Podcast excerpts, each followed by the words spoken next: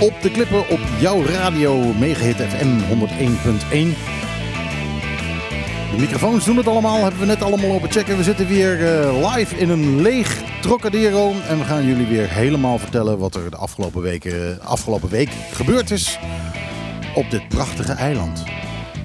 Uh, ja, het eiland is prachtig. Ja, het eiland wel, maar wat er allemaal gebeurt, je allemaal vraagt gebeurt? het je af. Je vraagt het je af.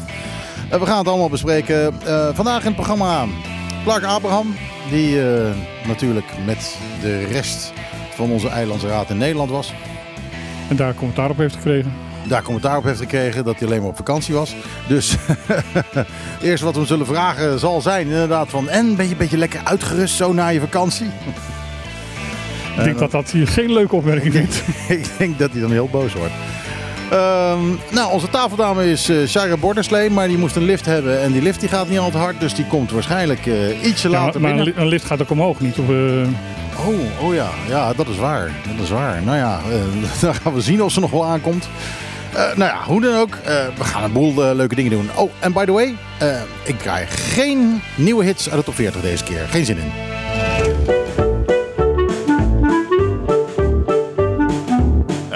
zaterdag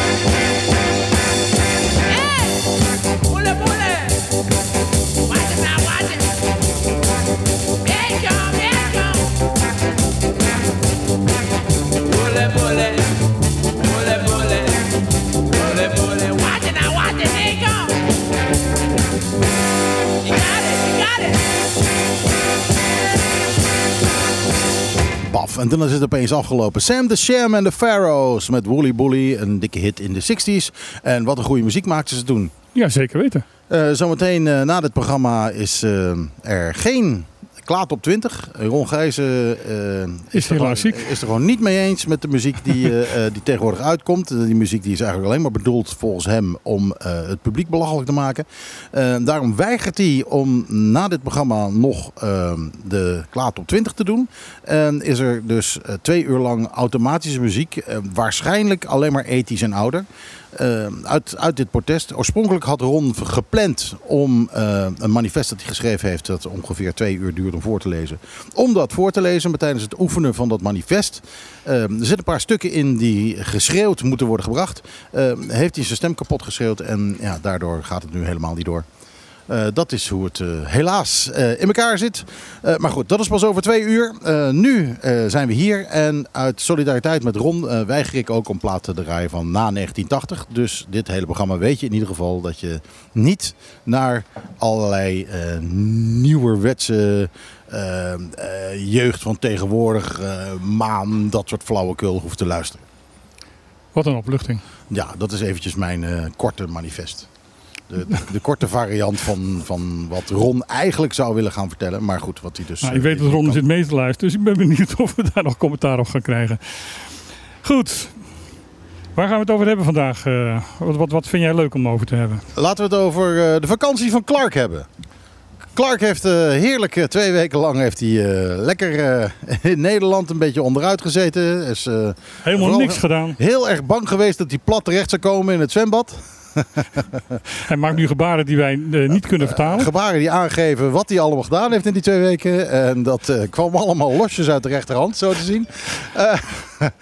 dus, dus ja, maar, maar ja, laten we daar maar even mee beginnen. Of wil je eerst je safje nog eventjes oproken, Clark? dan gaan we zitten gewoon hoor. Je hebt, je hebt een microfoon. Als we weten welk knopje het is. ja, daar is hij. Clark ja. Abraham. Een zeer goedemorgen heren.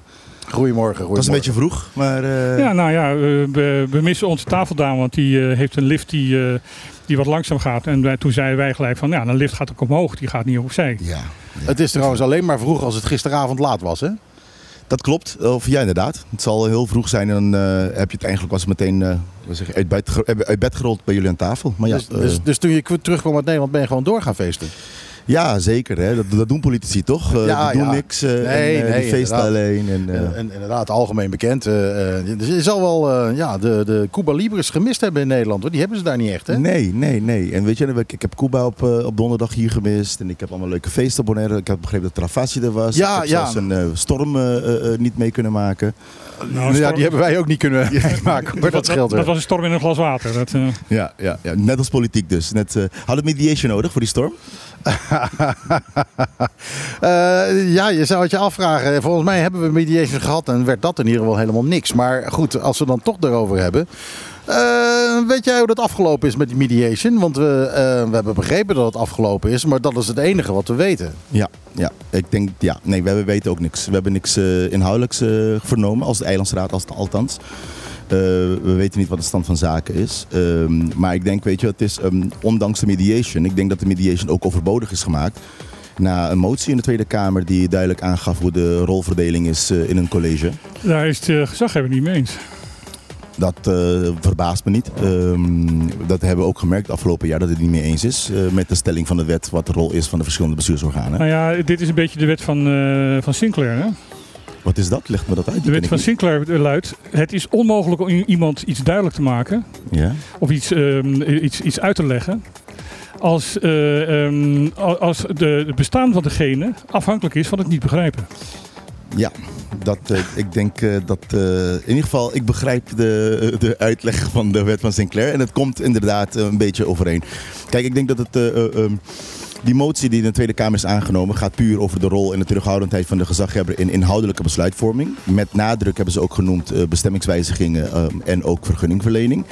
Ehm, het is niet iets nieuws, hè? Het is puur gewoon, en dat zie je ook in die motie. Het citeert ook, zoals door de wol best voorgeschreven, de rol. Ja, het verandert niks. Bedoel je. verandert het, niks. Het, het wordt alleen nog een keer gewezen Ja. op hoe, eh, hoe de regels zijn. Eh, maar maar ik- wat, wat gaat dit betekenen, denk jij?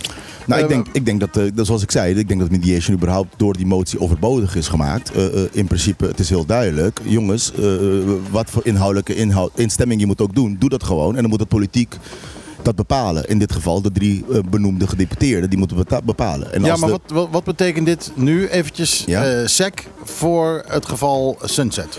Betekent dit dat de gezaghebber moet terugkomen op zijn stemmen die hij heeft? eh, Nee, dat hoeft hij niet. Hij moet alleen de tweede ronde niet meestemmen. Nou, eh, even, even een verduidelijking daarover. Eh, de termijn voor de tweede ronde van stemming is verlopen. Dus waardoor de originele stemming ook gewoon niks anders dan oké, gestaakt is. Oké, oké. Dus we zijn bij af. We zijn bij de start. Dus in principe moet het college... er moet opnieuw gestemd worden. Exact. En met dien verstande dat de motie aangeeft, gezaghebber, eh, hou jij je afzijdig van inhoudelijke standpunten. Dus in principe, als de verhoudingen, stemverhoudingen hetzelfde zouden zijn, dan is de verzoek afgewezen. Oké. Eh, eh, en, en, en, en zo simpel hoort het te gaan. Maar als ik dan zo'n eh, reactie, initiële reactie van een gezaghebber lees, ik moet, ik moet eerlijk zeggen, als een politicus ook, hè, je gaat naar verkiezingen, je zegt tegen de samenleving van jongens, dit gaan we voor je doen. Ehm, het is een heel ondankbaar eh, werk, eh, omdat in principe, net maak ik grappen erover, maar in principe is het beeld van politiek eh, van ja, die doen toch niks en eh, die zitten maar uit de neus te peuteren. Dus het is over het algemeen voor één ieder een ondankbaar, onda- ondankbaar werk. Eh, eh, ehm, maar het punt is nu, als ik zo'n reactie van een gezaghebber dan zie, die eigenlijk zegt zo van ja, wie is de Tweede Kamer om überhaupt zo'n motie te kunnen verzinnen, al dan opschrijven en dan nog vaststellen of aannemen. zodat- Met een gigantische meerderheid. ja, ja wat, wat al uitzonderlijk is in Nederland. Hè? Voor, zeker als het de, de, de Caribische delen van de, van de Koninkrijk aangaat. Die, die, het, het interesseert hen meestal niet eens wat.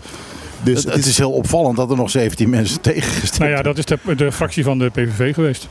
die niks met de eilanden überhaupt wil. wilt. Ja, dus alles ja. wat met de eilanden is, jongens, boeit ons niet. Die moeten gewoon eruit. In theorie, hè? Dat is de retoriek die ze hebben. Iemand zou die gasten toch eens een keer moeten vertellen dat ze allemaal Duits hadden gesproken als deze eilanden er niet waren geweest. Dat hebben we een paar keer uitgelegd. En ik moet eerlijk bekennen, ik heb ook eh, eh, zelf met meneer eh, Wilders gezeten in het verleden. En die zei heel duidelijk, luister, zolang jullie onderdeel zijn van, dan eh, zullen we ook eh, gelijke rechten moeten eh, eh, eh, bet- betrachten voor jullie. Eh, maar dat is wel hun partijlijn. Hun partijlijn is, Nederland is eenmaal Europees Nederland, punt. En in Europees Nederland willen ze het liefst ook niet eens in Europa zijn. Eh, eh, eh, eh, eh, dus, maar dat, dat is, dat, dat mogen ze, die, standpunt mogen ze hebben. Daar hebben we ook geen bezwaar tegen. Maar desalniettemin, het is wel zo dat dus één fractie, en, en dat is als iedereen ook aanwezig was, maar het was niet hoofdelijk, dus het is per fractiestem hand opsteken.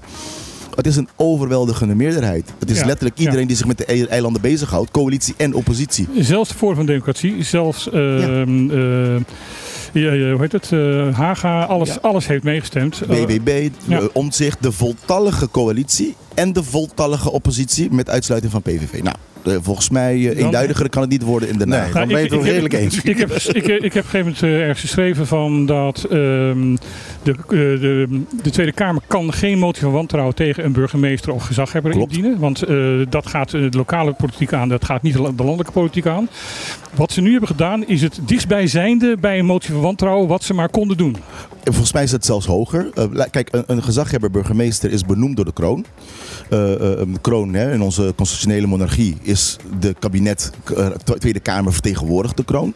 Dus in principe is het een opdracht aan de staatssecretaris, aan de minister, lees staatssecretaris in dit geval. Ehm, ga jij even jouw onderdanen weer wijzen op hun taakomschrijving? Mhm. Dat is wat, wat de Tweede Kamer zegt. Maar in principe moet je het ook zo lezen. Luister, of jij spreekt jouw onderdanen aan dat zij hun werk goed doen, anders gaan we jou verantwoordelijk houden. Want dat is wat nu gebeurt. De Tweede Kamer heeft degene die zij hebben aangewezen, de bestuurder, aangewezen van jongens, dit zijn de spelregels. Ga jij nou zorgen dat iedereen zich aan de spelregels houdt? Ik wil even tussendoor komen. Eh, de gezaghebber is het hier niet mee eens. Ehm, mocht de gezaghebber luisteren. We hebben toen hij hier was en jij binnen kon wandelen gezegd Ja. van iedereen mag hier komen binnenwandelen. Eh, andersom geldt het natuurlijk ook. Ja, zeker. Als de gezaghebber zit te luisteren, dan hebben we een plek voor hem aan de tafeltje. Eh, we hebben altijd een microfoon meer dan we gasten hebben. Normale gasten hebben. Dus die staat klaar. Dus eh, hij is van, harte welkom als hij het niet mee hiermee. En daarmee zijn wederhoor eh, eh, gegeven. En je- zoals jullie me kennen, vind ik dat alleen maar beter. Kijk, het punt is, bepaalde dingen kan je een, een mening hebben en bepaalde dingen zijn feiten. Eh, eh, ehm, ik vind persoonlijk dat een vraagstelling kan zijn, zeker in zo'n rol van de gezaghebber, dat hij misschien blijkbaar een beeld had dat het anders was dan wat de wet voorschrijft. Nou, de vraag die jij zou kunnen zeggen is van oké, maar hoe moet ik dat dan doen dan? Wat begrijp je ermee? Maar ik heb een probleem. Ja, bij mij komt de indruk boven dat eh, eh, ik merk dat hij het term bijvoorbeeld neutraal zelfs niet begrijpt. Dus in de zin, en dat vind ik Het, is, het is een oninteressante discussie. Namelijk, hij kan vanuit zichzelf denken dat hij ne- neutraal deze beslissing heeft genomen en daar ook van overtuigd zijn. Maar dat is niet interessant. Het is interessant dat zijn stem politieke gevolgen heeft. En daar had hij voor moeten uitkijken. En dat is het. Ik denk, ik ben onder de indruk dat de gezaghebber van mening is dat welke mening hij ook eef- heeft, de neutrale mening is. Nou, zo werkt dat niet. Het punt van neutraal en het punt van boven de partijen betekent dat je je niet mengt met inhoudelijke standpunten. Punt. Ongeacht wat de inhoudelijke standpunt is. Ja. En dan- ik heb argumenten gehoord van sommige mensen die roepen: ja, maar wat doet hij dan als het onrechtmatig is? Ja, hallo, vooral niet stemmen, want hij heeft toch geen meerderheid. Daardoor, daarvoor heeft hij als gezaghebber een afzonderlijk bevoegd orgaan. Want mind you, stemmen doet hij als lid van het BC. Maar Ja. hij heeft afzonderlijk een andere bestuursorgaan, gezaghebber. En daar kan hij ten alle tijden, als, de, als er unaniem een, een besluit is genomen die tegen wet en regelgeving is, kan hij ten alle tijden nog steeds dat ter vernietiging aanbieden. Daar heeft Ja. hij zijn stem niet voor nodig.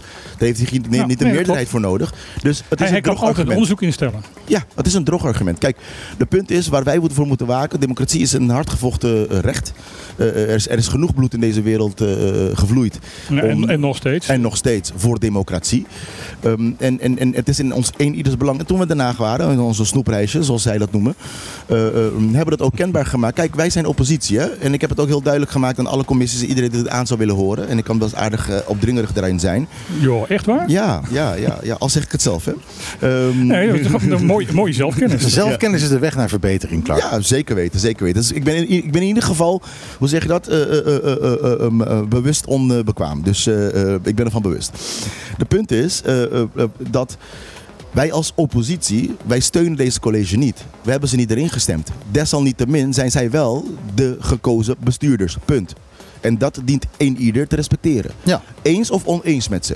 En zo werkt nou eenmaal democratie. Soms heb je de meerderheid, soms heb je de minderheid, boeien.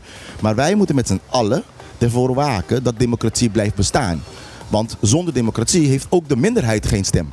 En dat is het gevaar waar we in staan. Dus op dit moment, als een, een, een gewezen bestuurder of een, een, een benoemde bestuurder met alle respect het politiek opzij zet omdat hij vindt dat zijn wil wet is. Met alle respect vervallen we terug in eh, Louis XIV.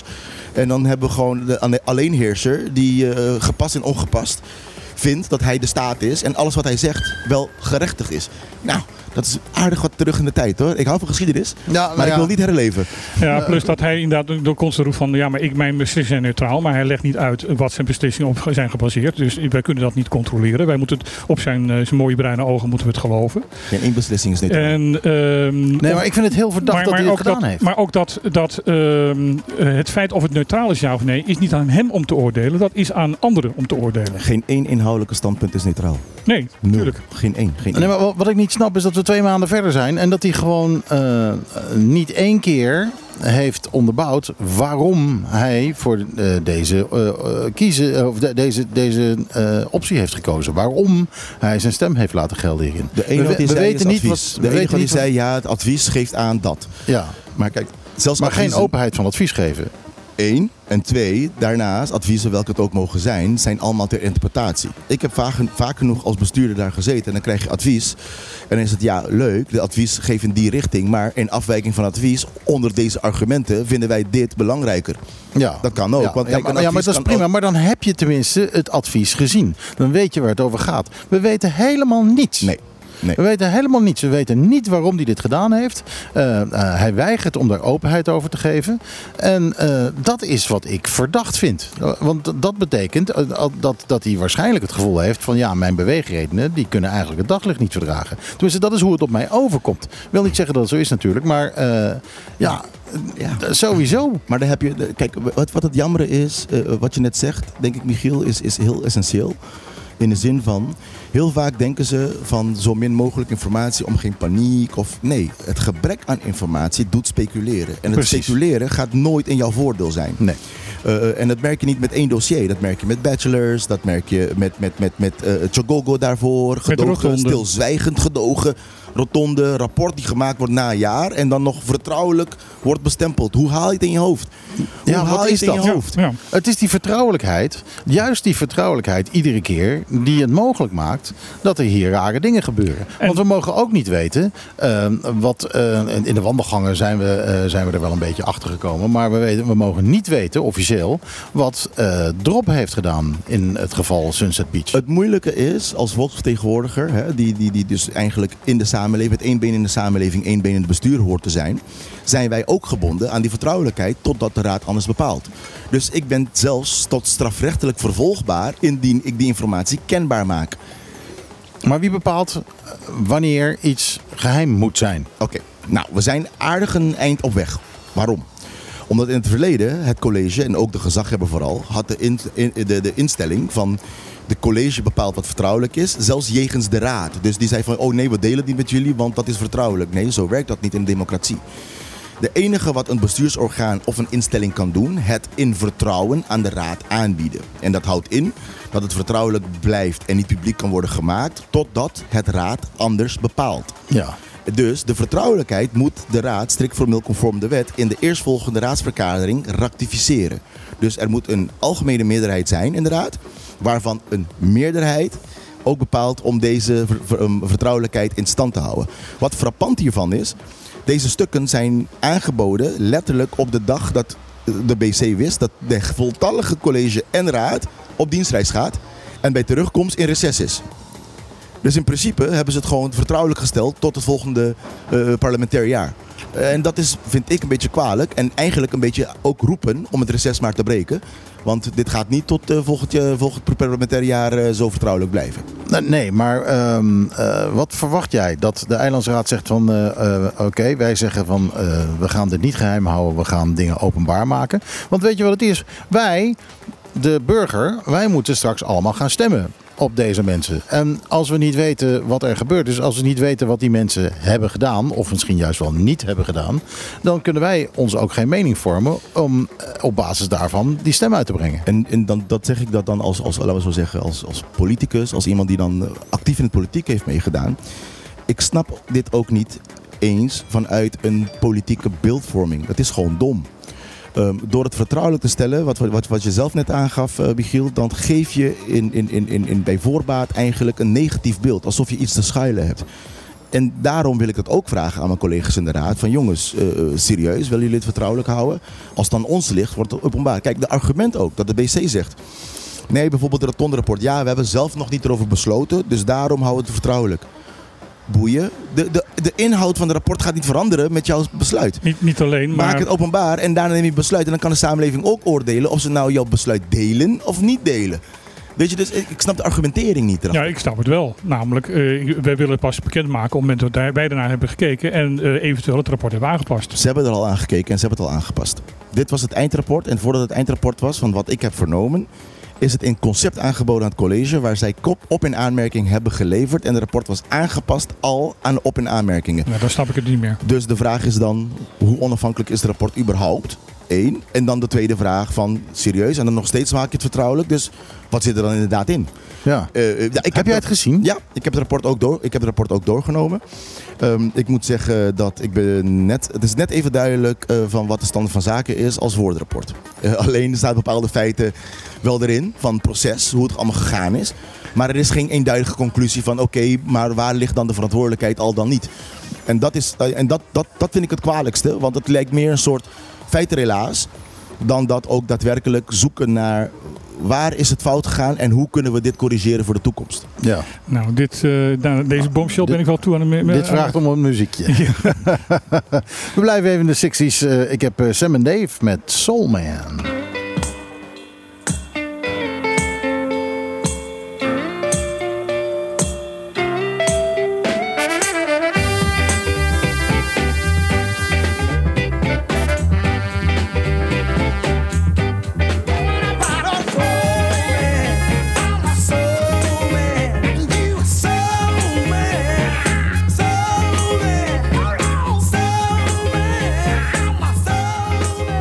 Ja, we zijn eh, druk in discussie over eh, hoe en wat en eh, en wat er allemaal niet loopt. Nou, we hebben wat, dus wat dossiers die allemaal geheim zijn, geheim gehouden zijn, eh, geheim blijven.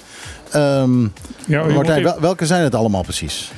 Ehm, het is de, de, over de rotonde. De rotonde, de, de rotonde die hebben ze, In de Amst- on- die de ro- hebben ze in goed Kei- ontworpen, in te Kei Amsterdam. gebouwd. Ja. Nou, de, de, de, de- als ik het goed begrepen heb, maar ondertussen heeft eh Clark weer een heerlijk kopje koffie voor mij gezet en eh, is weer aangeschoven. Ehm, eh, hij, hij kan dus gelijk reageren. Ehm, Zijn er vol- drie? Volgens mij ehm, was er eerst een rotonde eh, ontworpen bij Amsterdam, waarvan werd gezegd: van, jongens, we willen ook die de, eh, vrachthaven in Hato neerleggen. Dus dan gaat die weg heel veel gebruikt worden. En voor alle vrachtwagens die er langskomen, wordt, is die rotonde die in eerste instantie ontworpen was, is te klein. Dus er is een nieuw, eh, nieuw ontwerp gemaakt, die groter is. Nee, daarvoor, daarvoor. Dus daarvoor wat gebeurde is, er was een rotonde eh, ontworpen. Eh, bleek dat er een kabel van web eh, onder de weg ging. Ja. En dan zou die kabel precies in het eh, midden van de rotonde. En dat wat web bezwaar tegen. Want er was blijkbaar geen consultatie met de nutsvoorzieningen, nutsbedrijven. Voordat die ontwerp werd gemaakt. Dus toen werd die ontwerp aangepast. Om zodat de kabels van web niet onder de rotonde door of in het midden van de rotonde door zou gaan. En toen eh, bleek die rotonde, hebben ze getest op een, op een veld. Eh, eh, eh, om te kijken of die trucks erop kon- konden. Maar ja, maar dat kon op die veld wel. Maar alleen konden ze niet erop of eraf. dus die, sorry, die laatste ontwerp bleek te klein. Dus die Maar hebben ze aangepast. Nee, die kwamen ze pas achter nadat ze het hebben neergelegd. Dus ze hebben het op het veld getest. En op het veld konden ze, hebben ze niet getest of ze ook erop of eraf konden. Dus hebben ze die te kleine rotonde gebouwd.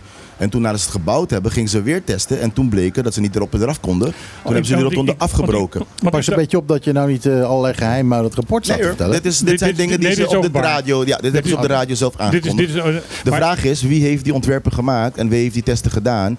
En in welke punt is er besloten om een eigenlijk ongeteste rotonde en ook zonder de nutsbedrijven op tijdig te in- eh, betrek, eh, erbij te betrekken, wie heeft besloten om dat te gunnen en uitvoeren?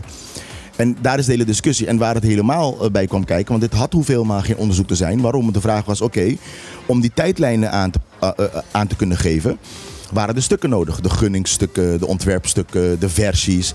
En toen waren de stukken kwijt, weg. Dus dat was dan aanleiding van, oh, oké, ehm, laten we een onderzoek gaan doen dan. Dus het is, het, is, het is eigenlijk heel bijzonder. Want ik kan mij niet begrijpen dat als een overheid, dat iemand iets gaat bouwen op een openbare weg, zonder dat daarvoor een gunning is gegeven. Een stuk. Nou, bijzonder dat blijkbaar de, de, degene die bouwt wel een gunning heeft. Want die gaat ook niet miljoenen in de grond stoppen zonder dat hij daarvoor zekerheid heeft dat ze geld krijgt. Eh, maar daarna de overheid die het gegeven heeft niet de stukken kan vinden. Dat alleen al vind ik kwalijk. Dus hoe, de, hoe kan een bedrijf... Ja, maar goed, eh, president eh, Nixon in Amerika wist dat tijdens de Watergate al dat, hoe je dat moest doen. Ja. Maar wa- wat waren zijn woorden ook weer? Zijn laatste woorden? I'm not a crook? Ja, Over niks gesproken, hè? Eh, niet dat mensen conclusies gaan trekken of vergelijkingen gaan trekken. Alhoewel. nee, ik bedoel, eh, de geschiedenis herhaalt zich nooit helemaal. Hè? Dus, eh, Nee, nee, nee, nee, nee, nee. Maar weet je, het is, het is, het is, dus dat is een van de stukken die vertrouwelijk is. Eh, de fijne is nog niet helemaal duidelijk. Ehm, daarbij waren er ook twee andere stukken die wij verzocht hadden. Er was eentje onderzoek naar Bonlab. eh, stand van zaken eh, om te kijken hoe het vervolg gaat zijn met Bonlab. Dus dat is meer een audit van Bonlab. Van oké, eh, wat is de levensvatbaarheid, laten we zo maar zeggen, Dat- van dat- Bonlab. dat is dat, vind is ik dat dan ook geheim? Ook geheim verklaard. dat vind ik nog begrijpelijker. Nou, Ja, met, met, met, met, met een hoop fantasie en, en een go- goede wil. Omdat dat over een, eh, over bedrijfsvoering gaat. Ja, maar kijk, de, ik vind dat je kan zeggen van zo'n hele document zijn er onderdelen die niet publiek kunnen worden. Maar ik kan niet het hele document publiek maken. Waarom? Als Bonlab failliet gaat, zullen we ook als raad dan zeggen, oh nee, geheim hoor. Ik ga de rekening niet betalen. Het zijn, het zijn, het zijn publieke middelen. Het is een Ja, ja, overheidsbedrijf. het is een overheidsbedrijf. Het is, het is opgericht met belastingcenten. Het is, het, is de, het is de bevolking die uiteindelijk eindverantwoordelijk is en, en, en liable, hè, financieel Nou ja, goed, de- liable de- is voor jaars- hun beheer of wanbeheer. De jaarcijfers zijn ook openbaar. Daarom. Dus ik kan nogmaals inderdaad begrijpen dat er onderdelen zijn die je kan zeggen, nou weet je wat, ik ga niet tot de details van wat de bedrijfsvoering is. Maar op andere onderdelen ben je verplicht om die openbaar te maken. Met alle respect, er zijn miljoenen, biljoenen ondernemingen, omdat ze op de beurs staan, die zijn gewoon openbaar. Omdat er meerdere aandeelhouders zijn die allemaal belang hebben. En Ja. die zijn openbaar. Nu heeft iedereen op Bonaire een belang. Dus waarom is het niet openbaar? Of in ieder geval grotendeels openbaar. En het derde document die eh, vertrouwelijk is, is de Development Agreement van Sunset Beach Resort. Ja. Ook zoiets. Kijk, dan ga je weer misschien een argument gebruiken. Ja, ik kan Ja, begrijpen. nee, nee. sorry. Nee, Heel, even, heel even, heel even uitleggen. Ik Heel hield, even ik hield uitleggen. zorgvuldig mijn mond dicht. Heel even uitleggen voor mensen die eh, eh, hier net eh, voor het eerst binnenkomen en eh, die horen Development Sunset Beach. Waar gaat het over?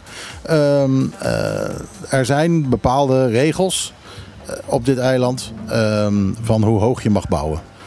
Ehm, dat is een, eh, de goot mag niet hoger zijn dan 12 meter. En eh, de nok van het dak 15 meter, als ik me niet vergis.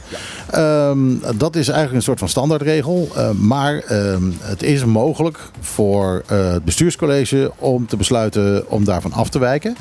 Ehm, eh, nou, iedereen op dit eiland is volgens mij wel eens een beetje blij dat deze regel er is. Want daardoor hebben we niet die hoge flats die je tegenkomt op eh, eh, met name Aruba. Ehm, dus dat hebben we zo weten te houden. Maar nu is er dus een stemming geweest van het bestuurscollege. De, eh, bij die stemming ehm, hebben, daar zijn drie mensen, het bestuurscollege plus de gezaghebber. Eh, daarbij hebben de twee eh, mensen van NPB hebben gezegd van nee, we gaan dat niet verhogen. We gaan houden aan de regels. Ja, ehm, eh, de, meneer Kroon van UPB heeft gezegd, nou laten we nou wel een uitzondering gaan maken en dit hoger maken. En daarmee zou het in principe afgelopen moeten zijn. Maar de gezaghebber heeft besloten om mee te stemmen. En daarmee is het 2-2 geworden. En in principe, als de stemmen staken, dus wat, wat in dit geval het geval was, dan betekent het dat de eh, stem van de gezaghebber Nee, er is nog. Er is nog een slag terug, want er moet er een tweede stemming komen. En als dan de st- de stemmen weer staken, dan stelt de, de, de stem van de ge- de gezaghebber dubbel. Ja, Ja, oké. nou, doorslaggevend. Waar we gebleven zijn is dat de stemmen dus inderdaad zijn gaan staken. Eh, daar is eh, lang genoeg verder helemaal niks meer aan gedaan. eh, inclusief mediation en weet ik, weet ik van niet allemaal. En nu moet er opnieuw gestemd worden. Ja. Ehm, Maar dat, dat is het geval als je het hebt over de bouwvergunning Sunset Beach. Ik, vind, ik vond het even, De belangrijk, de even mooiste- belangrijk om dat uit te leggen Nee, klopt. voordat we erop verder gaan. Maar er is er nog een ander aspect. En De dat mooiste, op, de, de mooiste opmerking die ik over dat ze niet door één deur konden. ehm, heb ik, die komt van Patrick, die was buiten de uitzending helaas. Die zei van nou, dan moet je gewoon de deur breder maken. En eh, inderdaad, soms is dat de manier hoe eh, het ook gedaan wordt. Eh, kijk, ehm, in politiek is een van de dingen die belangrijk is, is wel, eh, ja, vind ik, principe. En eh, doe wat je zegt en zeg wat je doet. Eh, eh, dat is in principe de vuistregel die iedereen die zich met politiek bezighoudt, zich aan moet houden. Al zijn mensen niet eens met je, maar zeg gewoon wat je doet. Punt. En, en, en als je ook iets zegt dat je gaat doen, doe dat ook. En ik denk wat, wat, wat Patrick aangaf, de deur breder maken. Ik vind dat juist een van de kwalijke dingen van politiek. De waarheid buigen, principes Mhm. buigen, standpunten buigen voor het gelang van de dag. Dus dan wat wordt het dan? Het wordt de de macht wordt belangrijker dan de doel. Dus het behoud van de macht, het behoud van het stoel, het behoud Mhm. van mijn partij moet in het college zitten, is belangrijker dan waar je überhaupt, überhaupt de eerste keer naar de verkiezingen bent voorgegaan. Nou, dan vraag ik me Het- af, het- wat is je bestaansrecht als politicus? Het is op een gegeven moment de macht gebruiken als macht en als, eh, dat als doel maken in plaats van macht een middel moet zijn om je doel te bereiken. als instrument. Om, om, om wat toe te voegen aan wat Michiel net zei, klopt helemaal. Eh, eh, met één, één, één toevoeging. De terreinen van Sunset eh, eh, eh, waren voorheen van een hotel, heette voorheen Hotel Bonaire. Daarna heette het Sunset Beach Resort. Was van een lokale ondernemer.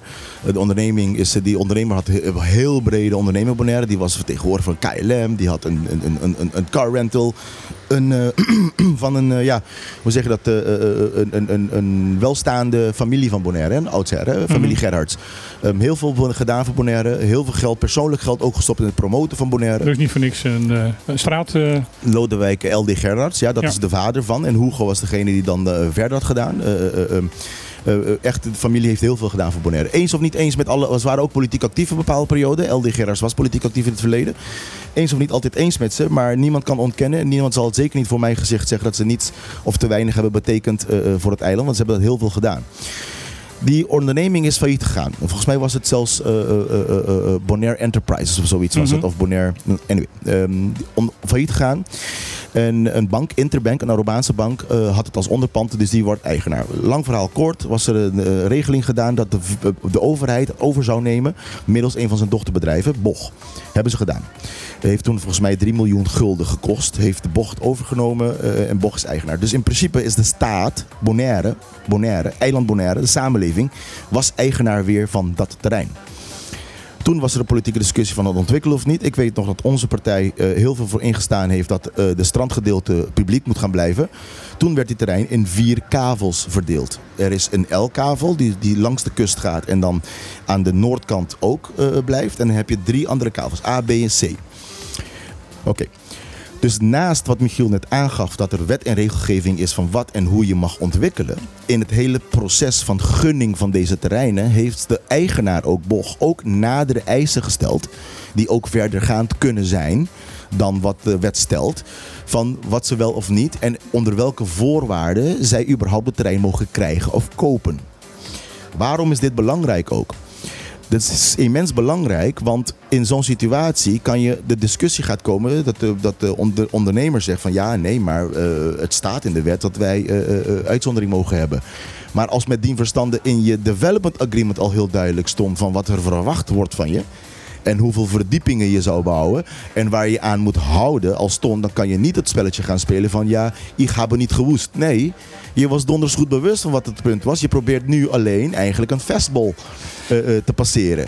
Mind you, dezelfde college is vertegenwoordigt de aandeelhouder. Het is de college die de aandeelhouder OLB in het eh, boch vertegenwoordigt.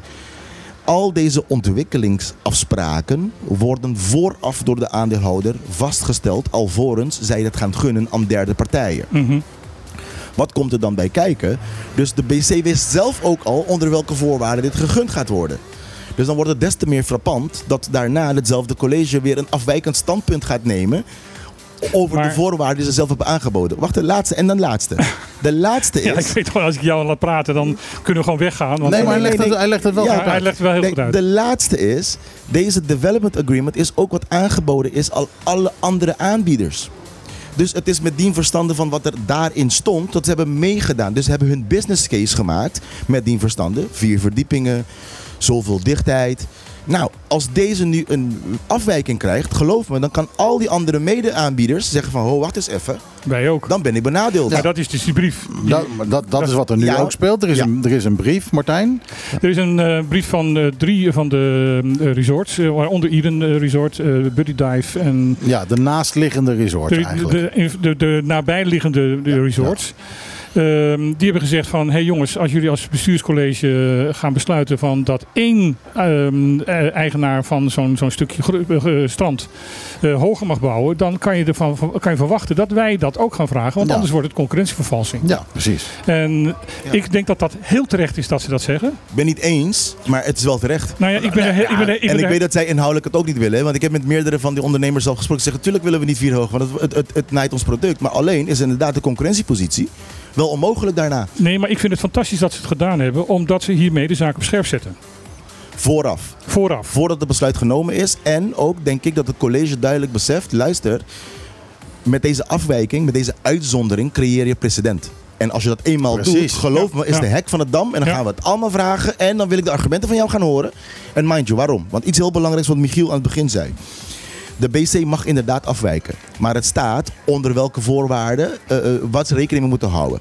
Het punt is, als, ik, als er een wet is of een regel en ik vraag voor afwijking daarvan, moet ik argumenteren welke immens belang er meespeelt onder welke ik die afwijking vraag. De enige belang die nu kenbaar gemaakt is, is gewoon meer economisch winst van de, van de ontwikkelaar. Dat betekent dat al die hotels aan die strip diezelfde belang hebben. Dus in principe komen ze ook allemaal in aanmerking. Ja. Als dat het enige argument is. Plus dat de regel is dat er kan worden afgeweken, maar er staat niet, Niet dat moet. het moet. Nee. Dan moeten we even onderbreken, want er is iemand aangeschoven. Ja, onze tafeldame is er. Maar de microfoon staat nog niet open. Nu wel. Ja, oké. Ik hoorde helemaal Daar niet. die Bontardi. Ja, daar is ze. Ja, daar zijn we. Een hele goede middag. Sarah Borderslee, Hey. eh, die zou vandaag aan de tafel komen, maar ja, die had dan geloof ik een verlaten lift. eh, dus Ja, en dan eh, heb ik daar ook gelijk een, eh, een goed eh, ezelbruggetje voor eh, de Donkey Bridge, noem ik het even zelf. Dat het eh, probleem eh, met het vervoer eh, echt Ja, eh, ja. heel noodzakelijk is. Ja, eh, dat die het gaan eh, oplossen. Want ik vind het echt eh, vervelend. We helpen elkaar. Zo helpen we elkaar allemaal. even zwaaien. Ja. Even de foto. Je kunt zo meteen op Facebook de foto zien die we nu aan het maken zijn. Ja, Ik ga even door, want Ja. eh, de, de, de luisteraar heeft hier helemaal Nee. niets mee te er maken. wordt hier een foto gemaakt. tafel vervoer wordt. ja, moet komen en dan elektrisch. Ja, ik, ik, ik ervaar het nu zelf ook. eh, en dat is echt vervelend. Vooral voor de, onze ouderen is dat echt een heel groot probleem. Maar ik doe even een statement erbij. Openbaar vervoer moet komen, maar dan elektrisch. Ja. ja. openbaar moet openbaar Maar ik denk, dat, ik denk dat dat ook geheim wordt dan.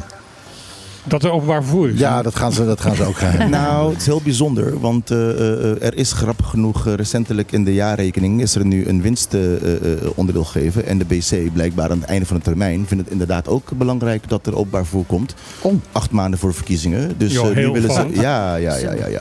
En het is, het is, het is iets, er is een onderzoek gedaan in het verleden over openbaar vervoer. En het is grappig dat je zegt, want ik ben het met. De met- bushokjes hebben we al.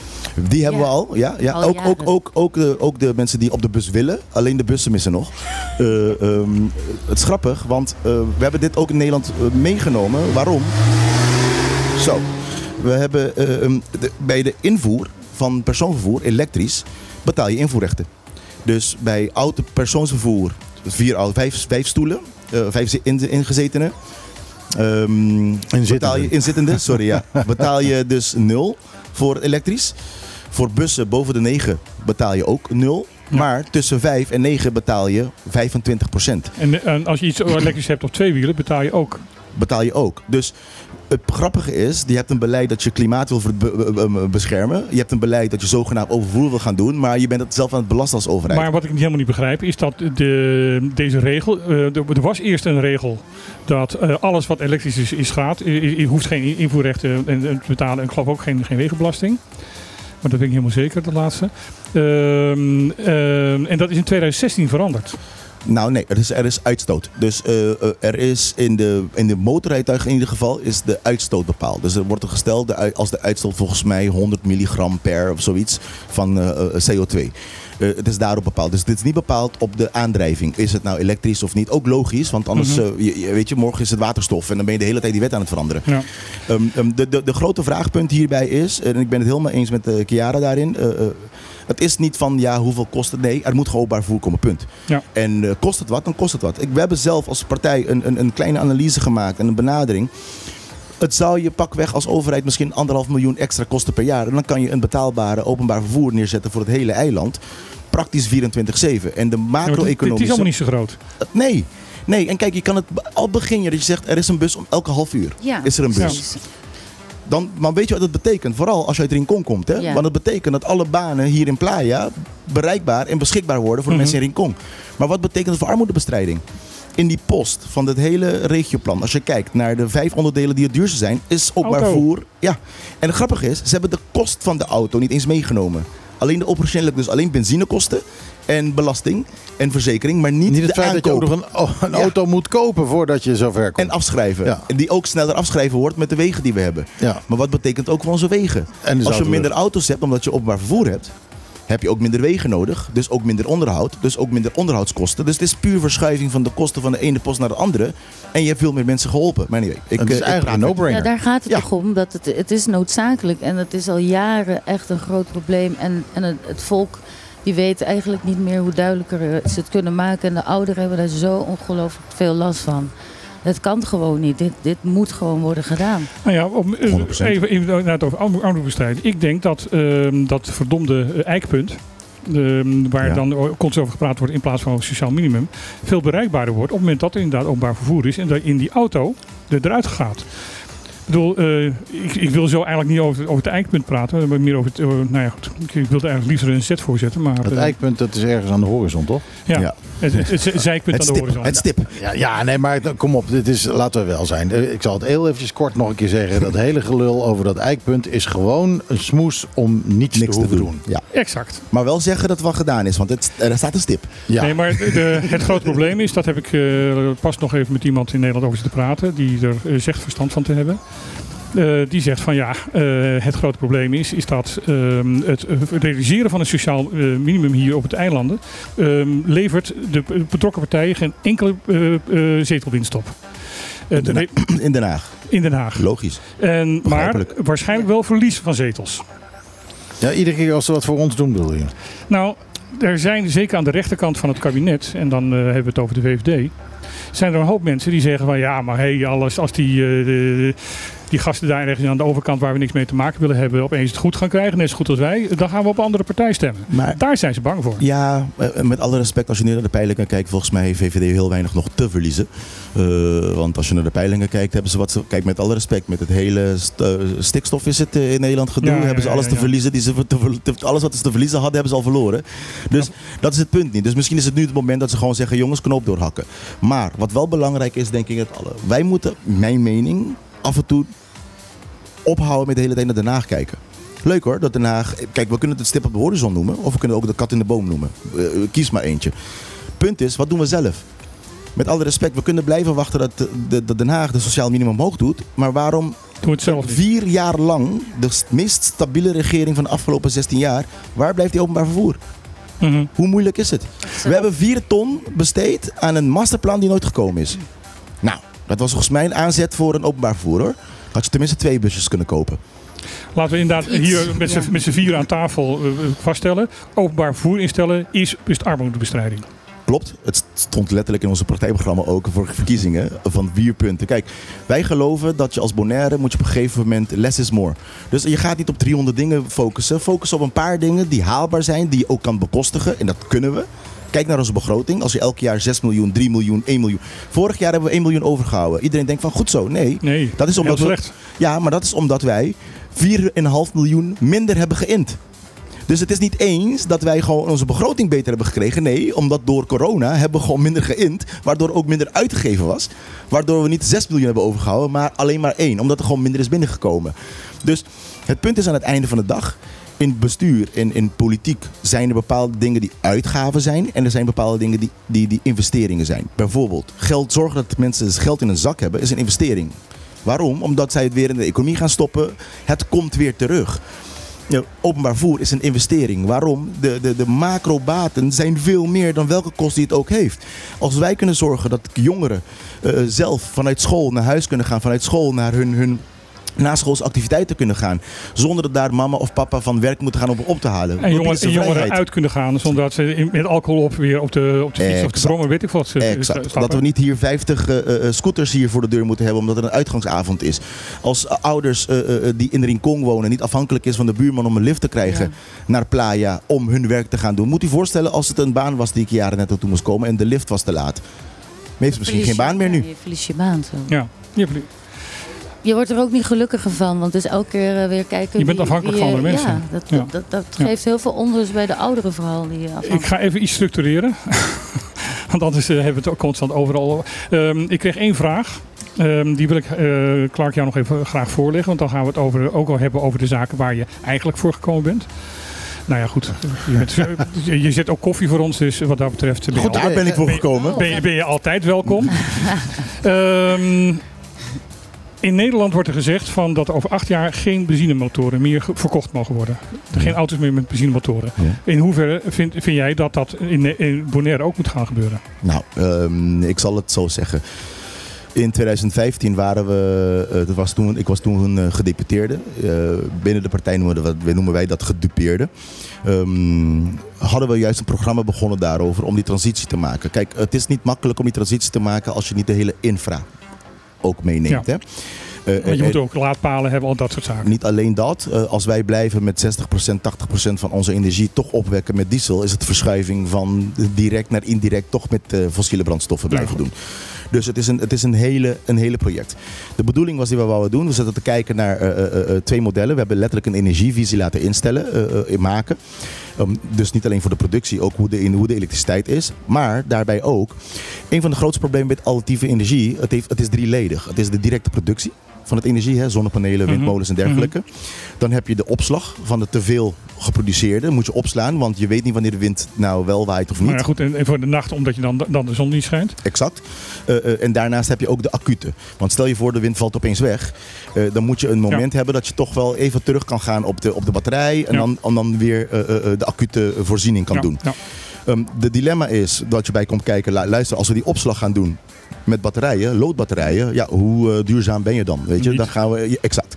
Dus dan moet je op andere manieren gaan nadenken. Wat kan je aan doen? Nou, dan hebben we toen gekeken naar El Hierro. El Hierro is eh, een, een groep, een eiland in, eh, in Canarische eilanden. Mhm. Wat hebben ze gedaan? Ze hebben die opslag hydro storage gedaan. Dus wat doen ze? ja. Met te veel windenergie pompen ze water, enkele honderd meter omhoog. En met die druk draaien ze turbines draaien om dan.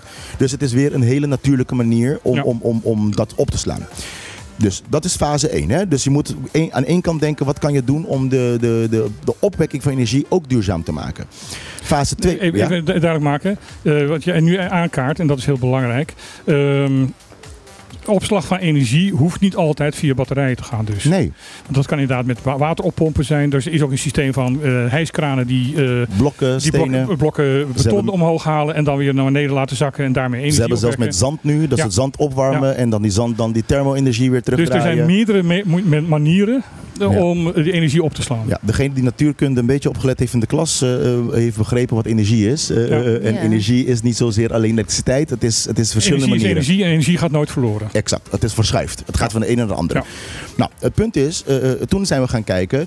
eh, ehm, ehm, de elektrische wagens hebben batterijen erin, allemaal. Mhm. Ehm, dus je hebt toch wel uiteindelijk toen de tijd lood, al dan niet eh, eh, eh, eh, eh, eh, eh, Lithium tegenwoordig. li- lithium tegenwoordig. Nu is het lithium iron, eh, eh, is nu de, de meest gebruikte, vooral voor statische batterijen. Maar het punt was toen, het zal zonde zijn om allemaal elektrische auto's hier te hebben die alleen energie opnemen, maar eigenlijk niet terug kunnen leveren. Waarom? Een van onze standpunten was ook altijd, en daar geloof ik nog steeds heilig in, is decentrale opwekking. Wij willen dat elke burger zijn eigen energie moet kunnen eh, eh, creëren. En voor zijn eigen gebruik. En het overtollige moet kunnen delen met anderen. Al dan wel opslaan Ja, voor dus als later. je een auto hebt die de energie kan terugleveren, heb je voor de stroomuitval het ideale noodaggregaat. Exact. En niet alle auto's leveren terug. Nog niet. Nog niet. Dus een voorbeeld. De Tesla die neemt het op, maar die kan niet terugleveren aan de rit. Maar de Nissan Leaf kan dat wel. Hyundai kan dat, Kia kan het. Exact. Nu. Ik praat toen nog voor toen 2015. hè. Ja, Dus toen maar nu kan, kan Hyundai het ook, kan Kia het ook. En er nog een aantal het begint de norm te Ja. worden om terug te kunnen leveren. Ja. Mind you, voor Bonaires, Bonaireaanse kenmerken, zo'n auto kan normaal gesproken tussen de, de kleinste, tussen de 100 eh, eh, kilometer eh, radius. Mhm. Dus ze kunnen 100, me- 100 kilometer omstreken kunnen ze rijden eh, eh, um, um, um, op een volle batterij en terug. Meer hoor. De minima. minima. Ja. En dan heb je de hogere categorieën, dan praat je over de 500 kilometer Ja. wat ze kunnen doen op batterij. Ik, pak, ik pak die scala, want Bonaire is 17 kilometer, als de, de, de, van, van Playa naar Rincon is 15 kilometer. Je kan hier met het kleinste 17. batterijpakket kan je af. Exact. Ja. Dus dat betekent, zelfs als je ultieme Bonaire zou gaan rijden, op de maximum, heb je nog meer dan 50% van je batterij over. Dus dan kan je je huis nog drie dagen voor van energie voorzien. Ja. Het hele idee was, die we wel willen doen, is pro- proberen te krijgen, en daar geloof ik wel heilig in. Wat als wij een zo'n fabrikant, een Nissan, een Hyundai, een Tesla kunnen overhalen van, nou jong- jongens, die technologie, waarom gebruiken we Bonaire niet als een soort, soort testcentrum? Ja. Ja, proeftuin. Krijgen de Dat mensen is- ook werk? krijgen de mensen werk. Dan, dan faciliteer je ook dat het makkelijker geïntroduceerd wordt. Zij hebben de kennis. Hoe maken we die overslag? Voor hun is het gold, omdat ze ook letterlijk in de praktijk het kunnen uit, eh, uitwerken en, en, en uitvoeren. Ehm, eh, en de idee was, laten we beginnen waar het hoort. Eh, laten we beginnen in ieder geval waar de overheid een, een directere eh, eh, invloed heeft. Bijvoorbeeld openbaar vervoer. En als Bonaire openbaar vervoer praat, praten we niet alleen over bussen. Praten we ook over taxis, Ja. tourbussen. Ja. Dus stel je voor als wij zouden zeggen, jongens, we gaan op alle taxis en alle tourbussen. ehm, en, en op alle, en op alle eh, ehm, ehm, openbare bussen beginnen we dat elektrisch te doen. Waarom? Dan kan je ook de laadpalen makkelijker hanteren. Mhm. Want als je het consumenten gaat doen, de hele eiland, dat betekent dat jij op verschillende plekken parkeerplaatsen laadpalen moet gaan doen. Mhm. Alhoewel, eigenlijk niet eens.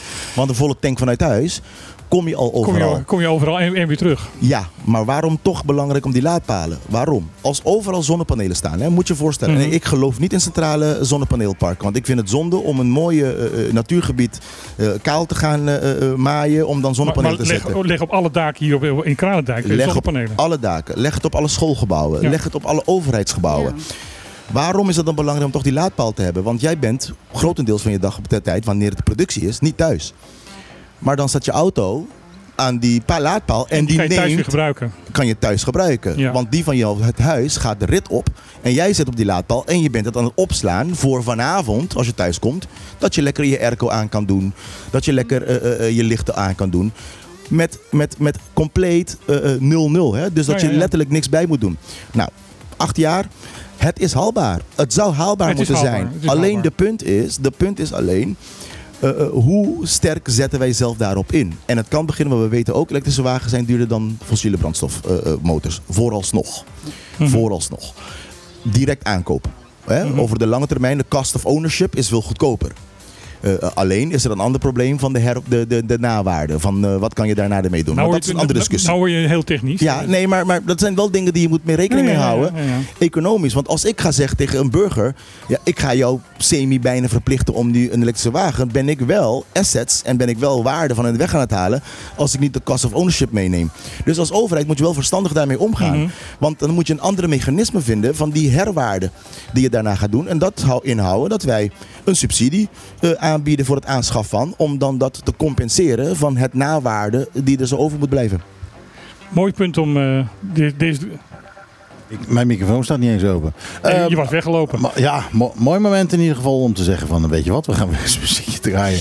Ik heb eh, Roxy Music, More Than This, de single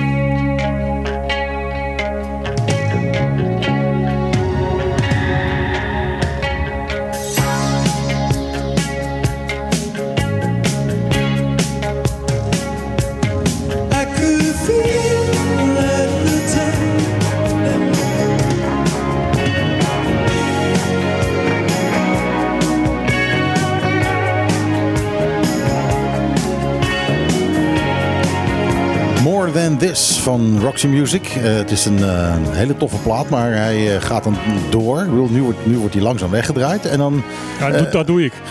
oh, oké. Nee, maar de plaat zelf gaat dan gewoon al 30 seconden door met alleen maar heel zachtjes een string die doorgaat. Dat is vrij uitzonderlijk, maar wel een, een heerlijk geluidje. Oh nee, dit is een single versie. Dus dit doet hij Ja, niet. dat doet hij niet. Dat doet nee, hij niet. Nee, ja, goed. Nou, prima. In ieder geval, Roxy Music, More Than This. Eh, ja, ik, eh, ehm, het is wel grappig, want eh Sarah komt dus eventjes aan de tafel zitten en begint over, eh, Of openbaar vervoer. over openbaar Ja, vervoer, waar, waar we het helemaal niet over gingen hebben en wat dan ook. Maar eh, ja, dan opeens komen er wel een heleboel dingen naar boven. Zo flexibel zijn wij. Ook die, ja, er was natuurlijk eh, het initiatief van een, een, een Bobbus. Ja, exact. Ja. En dat is toen, eh, eh, dat is een jaar of twee geleden of zo. En dat is, dat is toen ook afge, afgeblazen. Nou, ik hoor net van, van Clark dat dat komt omdat ze dat wilden doen onder een taxivergunning. en een taxivergunning is altijd eh, eh, vervoer van A naar B. Terwijl ehm, een, een, een, bobbus is dus, ehm, die maakt een cirkel, die maakt een, een Ja, de rondje. A, A naar B en de C. en naar dan D. eventueel dan weer terug. Ja. En eh, d- dus ze konden het niet onder een, ehm, onder een taxivergunning doen. Eh, daar is het op afgewezen. Dan zou je denken van nou, dan ga je als overheid eh, zorgen dat er dus een busvergunning komt. eh, Dat, dat je dus wel dat, dat kan doen. En dat is er nooit gebeurd. Waarom is zoiets dan nooit gebeurd? En dan kijk ik eventjes Ja, naar, is- eh, eh, naar Clark Abraham, die nu wel even met de mond vol tanden zit. Want ik zie hem kijken met grote ogen naar me van ja, ik weet eigenlijk niet wat ik daarop moet antwoorden. Nou. Nee, Clark die ehm, geen antwoord heeft. ja, Nou, Nee, dat was even Je je kijkt- Des, desnoods slaat het nergens op, maar antwoord heeft hij altijd. ja, meestal slaat het nergens op. Nee, maar het is. ehm, eh, in elke economie moet je naar belangen kijken. En ik begrijp het ook wel. En je ziet het ook nu eh, eh, met het hele cruise-gedoe. we zijn allemaal voorstander dat, eh, dat, dat, dat we de cruise-industrie zouden moeten managen. Maar je merkt dat er belangen zijn. Eh, Ja, en- nou, en- de- de- en- met name de, de taxichauffeurs eh, maken daar, eh, zich daar enorm kwaad over. En die taxichauffeurs die waren ook helemaal niet blij met het idee van die Bobbus. Exact. Dus, dus, dus kijk, wat ik, wat, dat, daarom ook net het gesprek over bijvoorbeeld elektrisch vervoer. je moet altijd kijken naar wat, welke maatregelen je ook neemt, wat voor neveneffect het heeft. En dan moet je proberen die neveneffecten ook te, te, te, te, te mitigeren, te, te, te managen. En in dit geval was dat het. Dus in principe, de taxi zegt van ja, leuk als je een busje gaat doen die elk restaurant afgaat, maar waar blijft onze brood dan? Dat is eigenlijk wat wij doen. Weet je, daar staan. Dat Nou ja, als iemand bij een restaurant zit. Dat is wat ze zouden moeten doen. Ik heb twee keer gehad dat ik een taxi nodig had richting Rincon. En dat ik gewoon geen taxi kon krijgen, want ze vonden Rincon te ver. En Dat is één. En twee, dat er, er is ook geen taxicentrale. Dus je Nee. moet specifiek de nummer hebben van de specifieke taxichauffeur om die dan te bellen. En als hij dan wel of niet wilt gaan. Weet, En nog, tijd heeft. en tijd heeft of tijd neemt, laten we het zo Ja. zeggen. Het punt is wel aan de andere kant. Nogmaals, vanuit een openbaar bestuur vind ik het wel de taak van openbaar bestuur om dus ook niet alleen rechten te geven met een vergunning, maar ook plichten. Ja. Dat je zegt aan een vergunninghouder, anders, dan- anders dan wel collectief, van jongens, jij moet wel beschikbaar zijn voor x aantal uur, excuus, x aantal uur eh, per dag. Eh, en ook in de late uurtjes. Dus het is begrijpelijk dat er bezwaar kwam van de taxichauffeurs, want die denken van ja, dat is wel met mijn bread. Eh, dus bijvoorbeeld, hè, de Bobbus module was, betaal 5 dollar en die, die, die bus doet een route langs de restaurants en ook de hotels. En voor 5 dollar kom je van het restaurant en naar een hotel terug. nou, super Nou, ja, super, klopt. Maar een taxichauffeur denkt van, ja, wacht eens even, dat is 15 dollar wat ik reken om iemand op te halen, weg te brengen. En dat is letterlijk 15 dollar uit mijn zak. Ook een begrijpelijk standpunt. Dus de vraag is, wat had de overheid gedaan om te zeggen van, nou, hoe kan ik een win-win situatie creëren?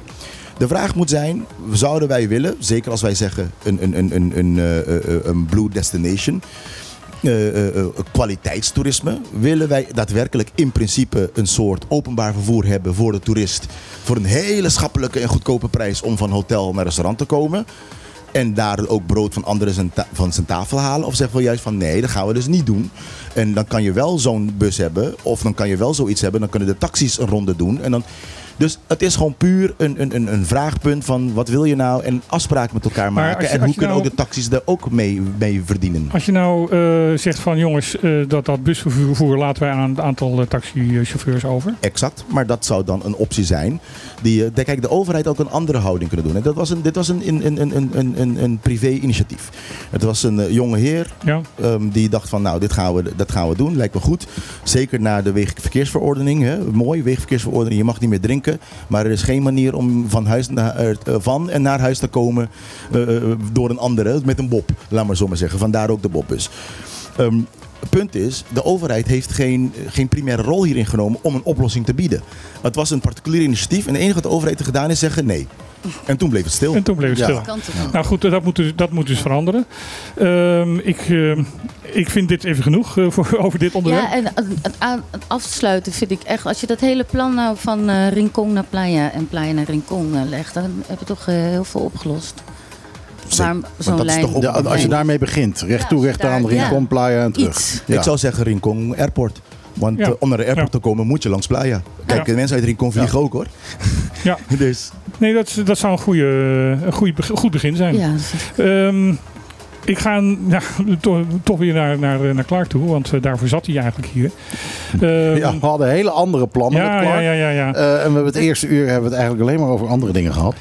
Clark zei net ook al eh, tijdens het muziekje van... hé hey jongens, normaal gesproken kappen jullie mij veel snel af. Ja. Dat, Ja, maar hij zegt eh, dingen grote schikzinnige dingen. we kunnen terugzeggen, normaal gesproken zeg je minder zinnige dingen. Daarom, Dat, van- eh, kan verkeren hè. dus eh, vandaar. Ehm, Hij is duidelijk in Nederland geweest. ja, ja, ja. Hij is uitgerust, lekker Ja. vakantie Ja. gehad. Nee, kijk, zelfs een gebroken klok die eh, is twee keer per dag heeft hij gelijk. Hè. Dus, Ja, zelfs de klok die stilstaat heeft, loopt twee keer per dag gelijk. Ja. Ehm, een van de redenen waarom jij heel graag ehm, eventjes hier wilde komen, was dat eh, naar aanleiding van ehm, eh, de, dienstreis die een groot gedeelte van de, eh, politieke leven van, van, van Bonaire heeft gedaan naar Nederland toe. Nou zeg ik het heel omslachtig. Ehm, dat dat door veel mensen op social media is aangemerkt als eh ach, vakantiereisjes, snoepreisjes. En jij weet hoe hard je daar gewerkt hebt. Ja. Dus ehm, jij wil graag uitleggen van waarom het belangrijk was dat een groot gedeelte van de, van de top van, eh, van politiek in, in Bonaire eh, in Nederland zat.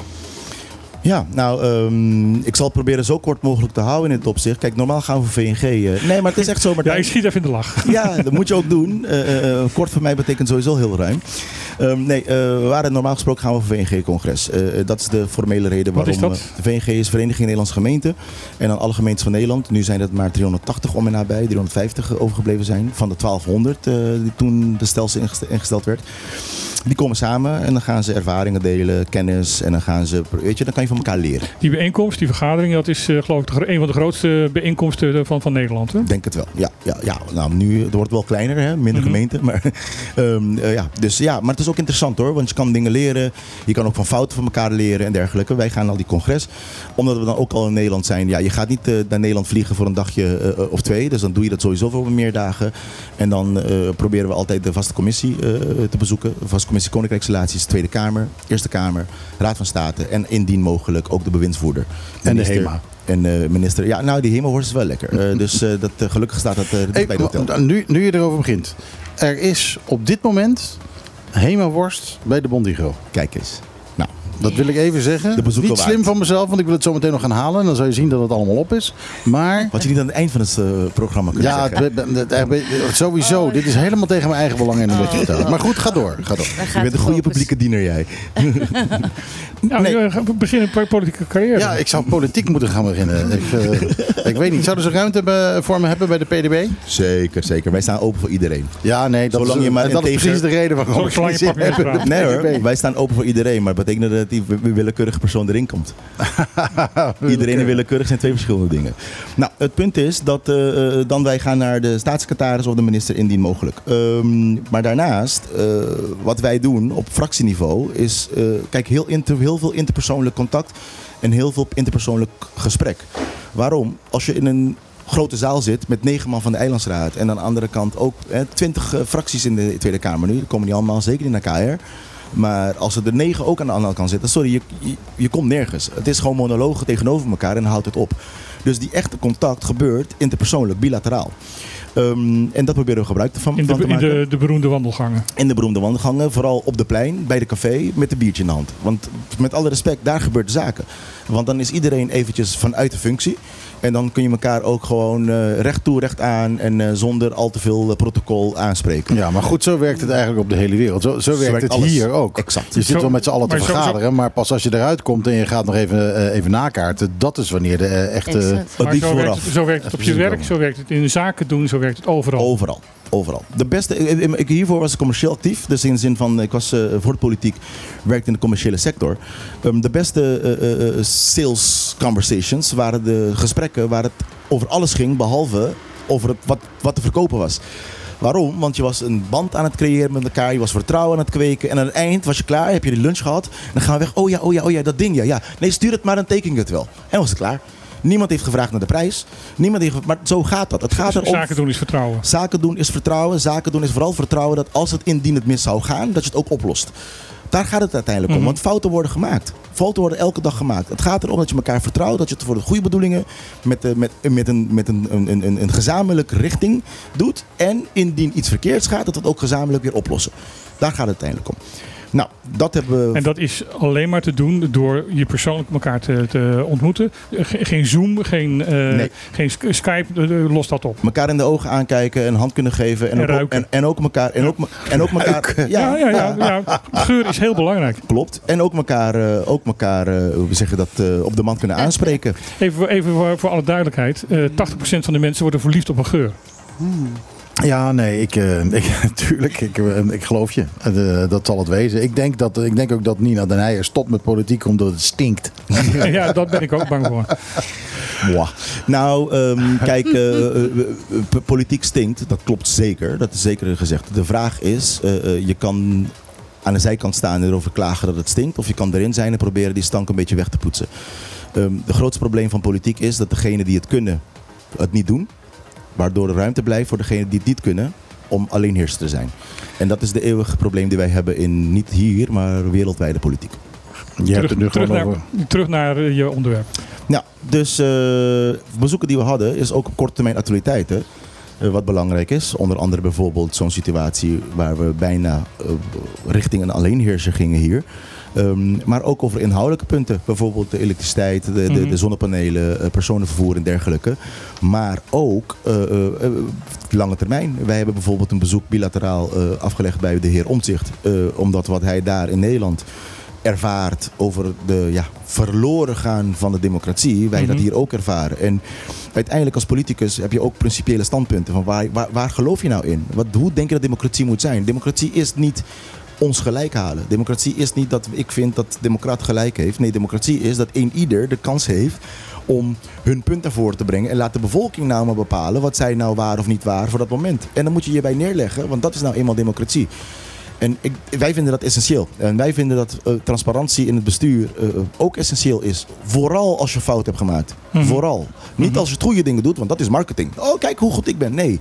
Als je fout hebt gemaakt, wees het zelf die het zegt van dit heb ik fout gedaan. Dan Dus laat je je karakter zien. dan laat je karakter zien, maar het toont ook aan dat jij de, de, de algemene belangrijker vindt dan je persoonlijke. Dan creëer je vertrouwen in politiek. En om een voorbeeld te nemen, wij zitten dan in Den Haag. Aangekondigd de storm die zou komen. Gelukkig was het in een glas water. Maar de manier hoe de, de waarnemend gezaghebber daarmee is omgegaan, is, is te applauderen. Er waren fouten gemaakt. Er was Mhm. misschien informatie niet, niet snel genoeg gegeven Maar de fouten werden gecorrigeerd. corrigeert en de zelf-evaluatie. Dus de dag daarna. Uit eigen beweging, zonder dat de pers eraan toe kwam om te vragen, begon hij zelf aan te geven: jongens, naar mijn persoonlijk onderdeel vond ik dat wij hier en hier en hier tekort zijn gekomen. En ik stel voor in de toekomst zo en zo en zo dat te corrigeren. Nou, volgens mij was die persconferentie het kortste ooit, want hij heeft me alle, alle, alle, alle prikkers heeft hij al zelf eruit gehaald. En dan was het van: oké, leuk, hand schudden. En was het afgelopen. Daarna bedankte je iedereen nog. ja, ja. Ja. Dus, dus er is ook een andere manier. Maar, ja, Ja. Oh, ik toch in, jou- in jouw programma ga jij zeggen of jij iets mag. Nou, Ehm, ja, ik, omdat ik zelf van mijn eigen standpunt afga. Omdat ik dus toch een even... Nee, ik doe het straks. een zijstap. Wou je Nee, nee ik, ik doe het straks. Nou, dus ehm, ik, ik nodig één ieder uit. Degene die denkt dat het inderdaad een snoepreisje is. Of dat het denkt dat het eh, voor onze fractie in ieder geval een snoepreisje of een schoolreisje, hoe je het ook wil noemen. Ik heb geen probleem mee hoor. Eh, bij deze uitgenodigd. Eh, kom graag een keer mee. Ik zou zeg- zeggen, neem je supplementpillen mee. Eh, eh, eh, neem goede loopschoenen. Ehm, ja, ja, want je bent gewoon de hele dag bezig. Eh, eh, eh, dus ik sta om en nabij om half zes op. Om zeven uur eh, ben ik in of de openbaar vervoer of onderweg naar mijn eerste afspraak. En het is letterlijk na, na dinner dat ik mijn bed inplof voor de volgende dag. En dan moeten we nog proberen te communiceren met de samenleving hier van wat we nou gewoon godsnaam hebben gedaan daar. Dus eh, eh, twee collega's die in mijn fractie zitten, die zijn nu allebei ziek. Want de weerstand kon het blijkbaar niet aan. Het is gewoon knokken. Het is gewoon Nee, je, gaan. je moet heel goed beseffen, denk ik. Als, als, eh, want ik, ik, ik, ik, ik heb die, die, die verhalen ook gelezen. Zo van ja, leuke snoefreisjes, dat soort zaken. Ehm, iemand die ehm, ehm, lokaal politicus is in Groningen. Krijgt die kans niet. Die krijgt die kans meteen niet. Nee. Maar als hij eh, voor, voor iets belangrijks wat in Groningen gebeurt, eh, iemand in de Tweede Kamer moet spreken, dan stapt hij in de trein of in zijn auto. Klopt. En is in, in, in anderhalf, twee uur is hij in, in Den Haag. Klopt. Of hij heeft iemand die uit Groningen komt, die in de kamer zit Ja. van de lokale partij. Zegt hij, hé hey, eh, Gappie, eh, gaat het echt zo? Eh, doe jij even iets in de Ja. kamer daar? Dat, die luxe hebben wij niet. En met alle respect, er is een historisch, eh, eh, eh, ja, impliciete verstandhouding. In Den Haag denken ze, oh jee, die boeven daar in de West. En op de eilanden denken ze, oh jee, die kolonisator daar eh, eh, eh, op het vasteland. Mhm. Dus dat drempel moet je ook overbruggen. Je moet aan tafel kunnen zitten. En wat je net zei, het is heel essentieel. Die vertrouwen moet er zijn. Mensen moeten in je ogen kunnen aankijken. En soms zijn ze het helemaal niet eens eens met je. Maar alleen denken ze van, nou, hij maakt wel een goede punt. Het zijn wel argumenten die ik eigenlijk niet omheen kan gaan. Dus gunfactor. En gunfactor in het leven is essentieel. Mhm. Eh, wat wij ook gebruik van hebben gemaakt eh, in de bezoek. Eh, ik ben, eh, ja, moeten zeggen, redelijk eh, naast mijn eigen fractie. Redelijk vaak op stap geweest met eh, eh, gedeputeerde en de Nijer. Waarom? Ehm, we hebben een gezamenlijk belang en die heet Bonaire. En dan zijn er dossiers die op tafel liggen. Die, die moeten worden ge- Ja. geregeld. Ja. En ik denk dat het juist heel handig is als de oppositie erbij gaat zitten en zeggen van nou jongens, dan gaan we het toch lekker doen. Eh, dus het is, het is onze gedeputeerde. Wat, Mhm. wat we ervan vinden of niet van vinden als politiek partij of een fractie. En als de inhoud van het standpunt goed is, dan is het gewoon goed. Bijvoorbeeld, een van de onderwerpen was dat hele vraagpunt over eh, eh, eh, 100% kinderopvang.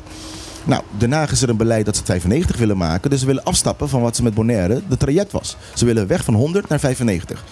Onze standpunt is heel goed, heel simpel. Nou, goed. 95, geen probleem. Alleen wouden ze in Nederland niet eens dat Bonaire dat 5% invulde, bijvulde. En toen zeiden we tegen hun, heel oké, maar jij wilt ons gelijk trekken met Nederland, Europees Nederland, qua 95, geen probleem. Maar dan ook kindgebonden budget ernaast. En dan ook persoonsgebonden budget ernaast. Volgens mij is dat even iets duurder dan die 5% die je een beetje over aan het eh, eh, mappen bent. En nu zijn er steeds meer partijen die dat dus nu... eh, Er is een meerderheid nu. een meerderheid. Er is een meerderheid. Dat, dat, dat 100% wordt. Ja, En dat is onderdeel van het schoolreisje die dat voor elkaar gekregen heeft. juist. Heel duidelijk. Bravo. Eh, nu we het toch over hebben, hè, laten we een klein stukje nieuws er, ertussen plakken. Je had het net over mevrouw Den Heijer. Ik heb het er net al even in één zinnetje gezegd dat ze ermee ophoudt. Hoe zit dat? Nou ja, ehm, er is heel weinig over bekend. Ehm, ze heeft alleen gezegd van dat ze zich niet meer verkiesbaar stelt. Ehm, en dat ze ja, eh, de, de, de, het contact onder andere met Nederland zo moeizaam vindt lopen. Dat ze eigenlijk vindt dat ze als, als gedeputeerde te, weinig voor elkaar krijgt.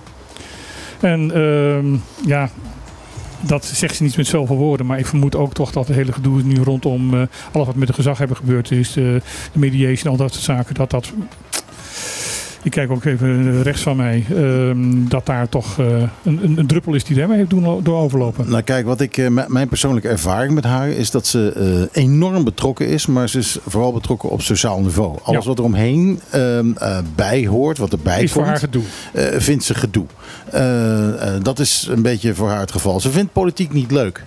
Ze vindt het gewoon niet leuk. Ehm, en ze doet het vanuit een, vanuit een eigen betrokkenheid. Mhm. En ik denk dat dat gewoon, ja, dat nu het, de emmer vol is. Ik, denk dat, ik denk ook ik dat denk dat dat, is. Emmer vol is. En eh, ehm, als je het niet meer ziet zitten, als je ehm, het niet meer met, eh, met enthousiasme en met plezier eh, kan doen, dan moet je, dan moet je stoppen. Dan, eh, dan, dan, dan bereik je ook niks. Ja, ik kan me ook heel goed voorstellen inderdaad dat zoiets als de kwestie eh, eh, Sunset Beach, dat, dat, dat je bij zoiets denkt van, ah ja, nou heb ik het echt wel gehad. Eh, ik kan me heel goed voorstellen dat Ik- dat ik- eh, de druppel is die de Ik denk alleen dat eh, het NPB een groot probleem heeft nu. Ja, zeker, want zij had de meeste stemmen. Zij was de grootste eh, te- stemmentrekker van. eh, van eh, oh, ik lees net dat Nina aanstaande maandag met een verklaring komt. Oké.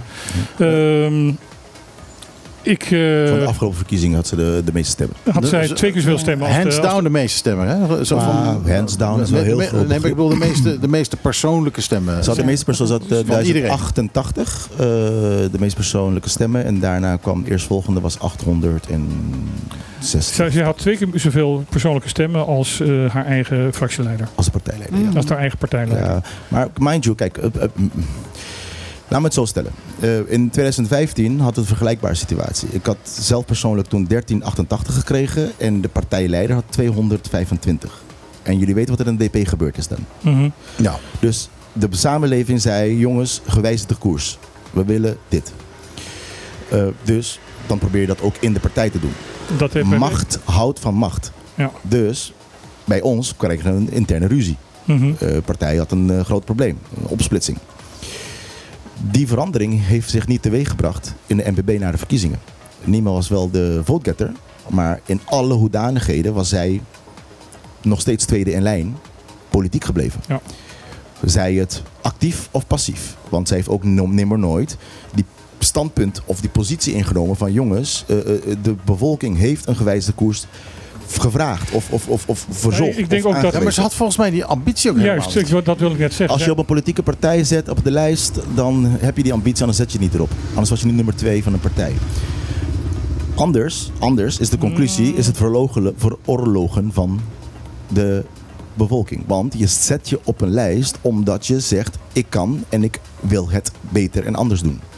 Mind you, de staatssecretaris die wij nu hebben, heeft zich nimmer op een lijst gezet. Want die zegt, ik ben bestuurder, ik ben geen politica. En die is gezet op te besturen. Het moment dat je op een lijst zet, is omdat je idee hebt van hoe het anders kan En dat je denkt dat jij het ook anders kan en wilt. Even, even, een, eh, even, vraag, dat weet ik eigenlijk Nou, niet dit, goed. dit suggereert eigenlijk een beetje dat, eh, dat ze dan eigenlijk misschien nu een eigen par- partij zou willen beginnen. Dat, Nou, dat, dat dat, proef ik een beetje, dat hoor ik nee, er een nee, beetje nee, onder. nee, nee, Nee. nee, juist niet. Maar dat lijkt me niks voor haar. Nee. Nee, ik denk- juist niet. Ik, ik- ik, denk dat ze juist geen eigen partij gaat, gaat oprichten. Want zij is dat politieke gedoe zat. En zij heeft ook nooit. ehm, want dat, dat is wat, wat ik aan jou wil vragen, Clark. Eh, is het mogelijk in, eh, in het lokaal bestuur dat je ehm, gedeputeerde bent zonder dat je op een lijst hebt gestaan? Zeker weten. Je kan dus eh, gewoon. Dualisme. Je, je kan, En zelfs in de monisme kon dat. Alleen in de monisme moest de helft van de raad komen en de andere helft niet. Zeker weten. dus, Eh, Delno Tromp was in het verleden gedeputeerde voor de DP en die was niet op de lijst. Eh, in, in 2000 en eh, ehm, volgens mij 11 was dat. maar, ja, dan, Hagen was, de, was gedeputeerde voor de UPB, was niet op de lijst. maar op het moment dat Nina niet op de lijst had gestaan, dan had de NPB nooit vier zetels gehaald. Kijk, de punt is, dat is mijn politieke standpunt in dat opzicht. Ehm, je op de lijst stellen brengt niet alleen dat je de volking op je kan stemmen, maar het brengt ook verplichtingen mee. Want in principe heb je de adem van de samenleving in je rug. Van jongens, we hebben verwachtingen van je. En, En de, enige en wat de- ik wil de- zeggen is, En de kiezer stelt vertrouwen in je. stel vertrouwen in je. Kijk, de enige wat ik wil meegeven hierin is, en nogmaals, ik begrijp, ik begrijp wat Nina meemaakt. Het is, iedereen die, die, die zich in politiek bezig voor de correcte redenen vraagt zich die, stelt zich die vragen wekelijks wel voor. Hè, zo van, god, wat doe ik dit voor eigenlijk? Waarom, waarom doe ik dit? Ja, waarom, waarom zit ik hierin? Je hebt Ja, kinderen. het is geen, het is geen dankbare job. Nee, Helemaal iedereen niet. praat over je, iedereen heeft een mening over je. En meestal is het Ieder- geen positieve mening. Eh, je, kinderen worden mee. Ja. je kinderen worden mee geconfronteerd op school. Dat is allemaal begrijpelijk. De enige wat ik wel denk dat we misschien niet uit beeld moeten doen, is niet zozeer alleen kijken naar buiten toe. Hè? Van oh jee, kijk wat er in de BC gebeurd is. Oh jee, kijk eh, eh, eh, wat het gedoe van politiek Den Haag. Maar wellicht moeten we ook eens een keer kijken van wat er misschien speelt binnen de partij zelf. Waarom ze zeggen van ja jongens, ik zie het niet meer zitten. Met al die, met die verstanden. Kijk bijvoorbeeld nu met de hele Sunset. Ervaart de gedeputeerde überhaupt steun van haar eigen fractie ten aanzien van een standpunt die genomen is in de BC? Voldoende? Voelt ze zich daarin gesteund? Kijk, als iemand zich. Je bent de grootste partij. hè? Elvis Tenshu, om het even met naam en toenaam te zeggen, eh, heeft eh, met grote tegenzin, eh, heb ik het gevoel, gezegd dat hij achter zijn de- gedeputeerde stond.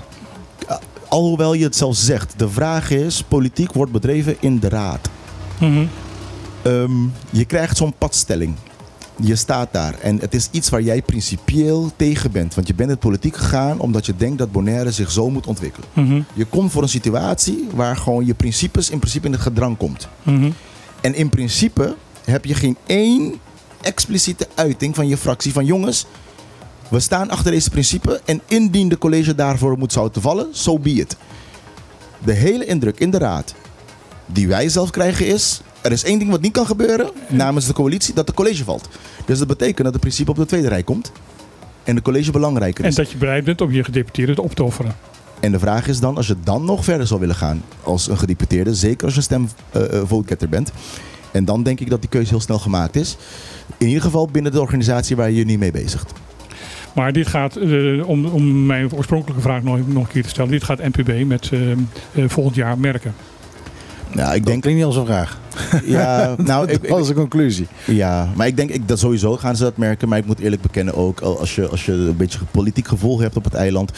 Zelfs als Nina door zou gaan, zou Nina het zelf ook merken naar persoonlijke stemmen. En zal MBB het ook merken. Waarom? Er is ook een groot deel van de samenleving die denkt van...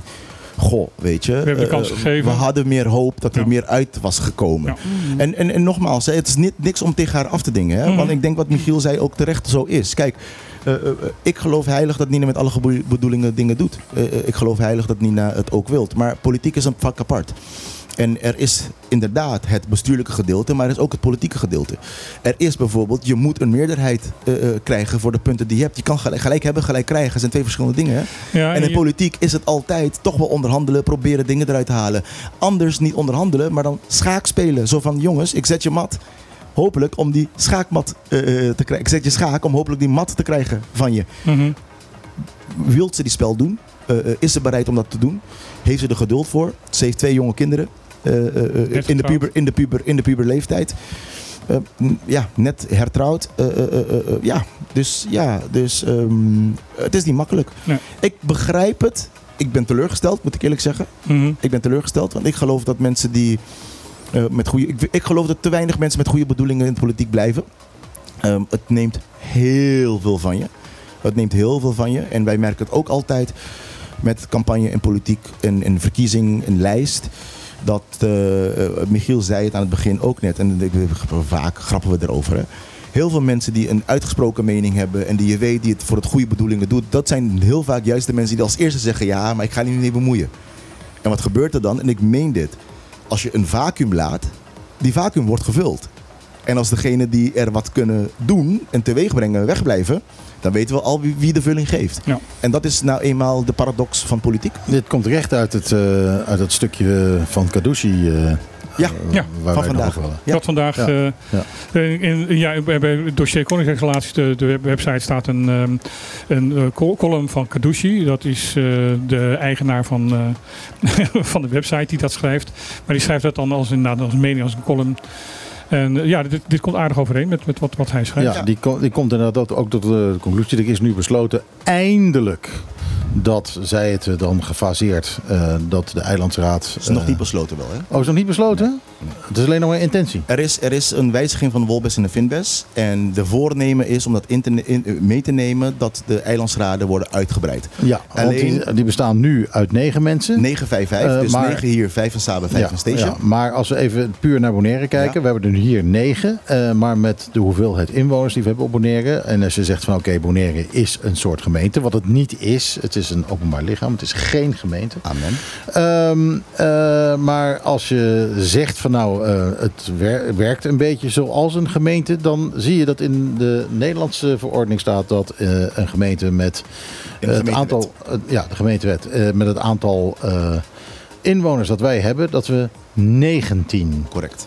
Eh, eh, gemeenteraadsleden, oftewel eilandsraadsleden. Na muziekje wil ik graag nog één ding aan eh, Clark Ja, vragen. En daarna wil ik nog een paar dingen van af de lijst. Ja, we hebben nog maar een half uur, dus we moeten wel eventjes wat nieuws eh, doen inderdaad. Maar ik zal eh, even een leuk snel kort plaatje van de Bee Gees draaien. Ayo, ayo.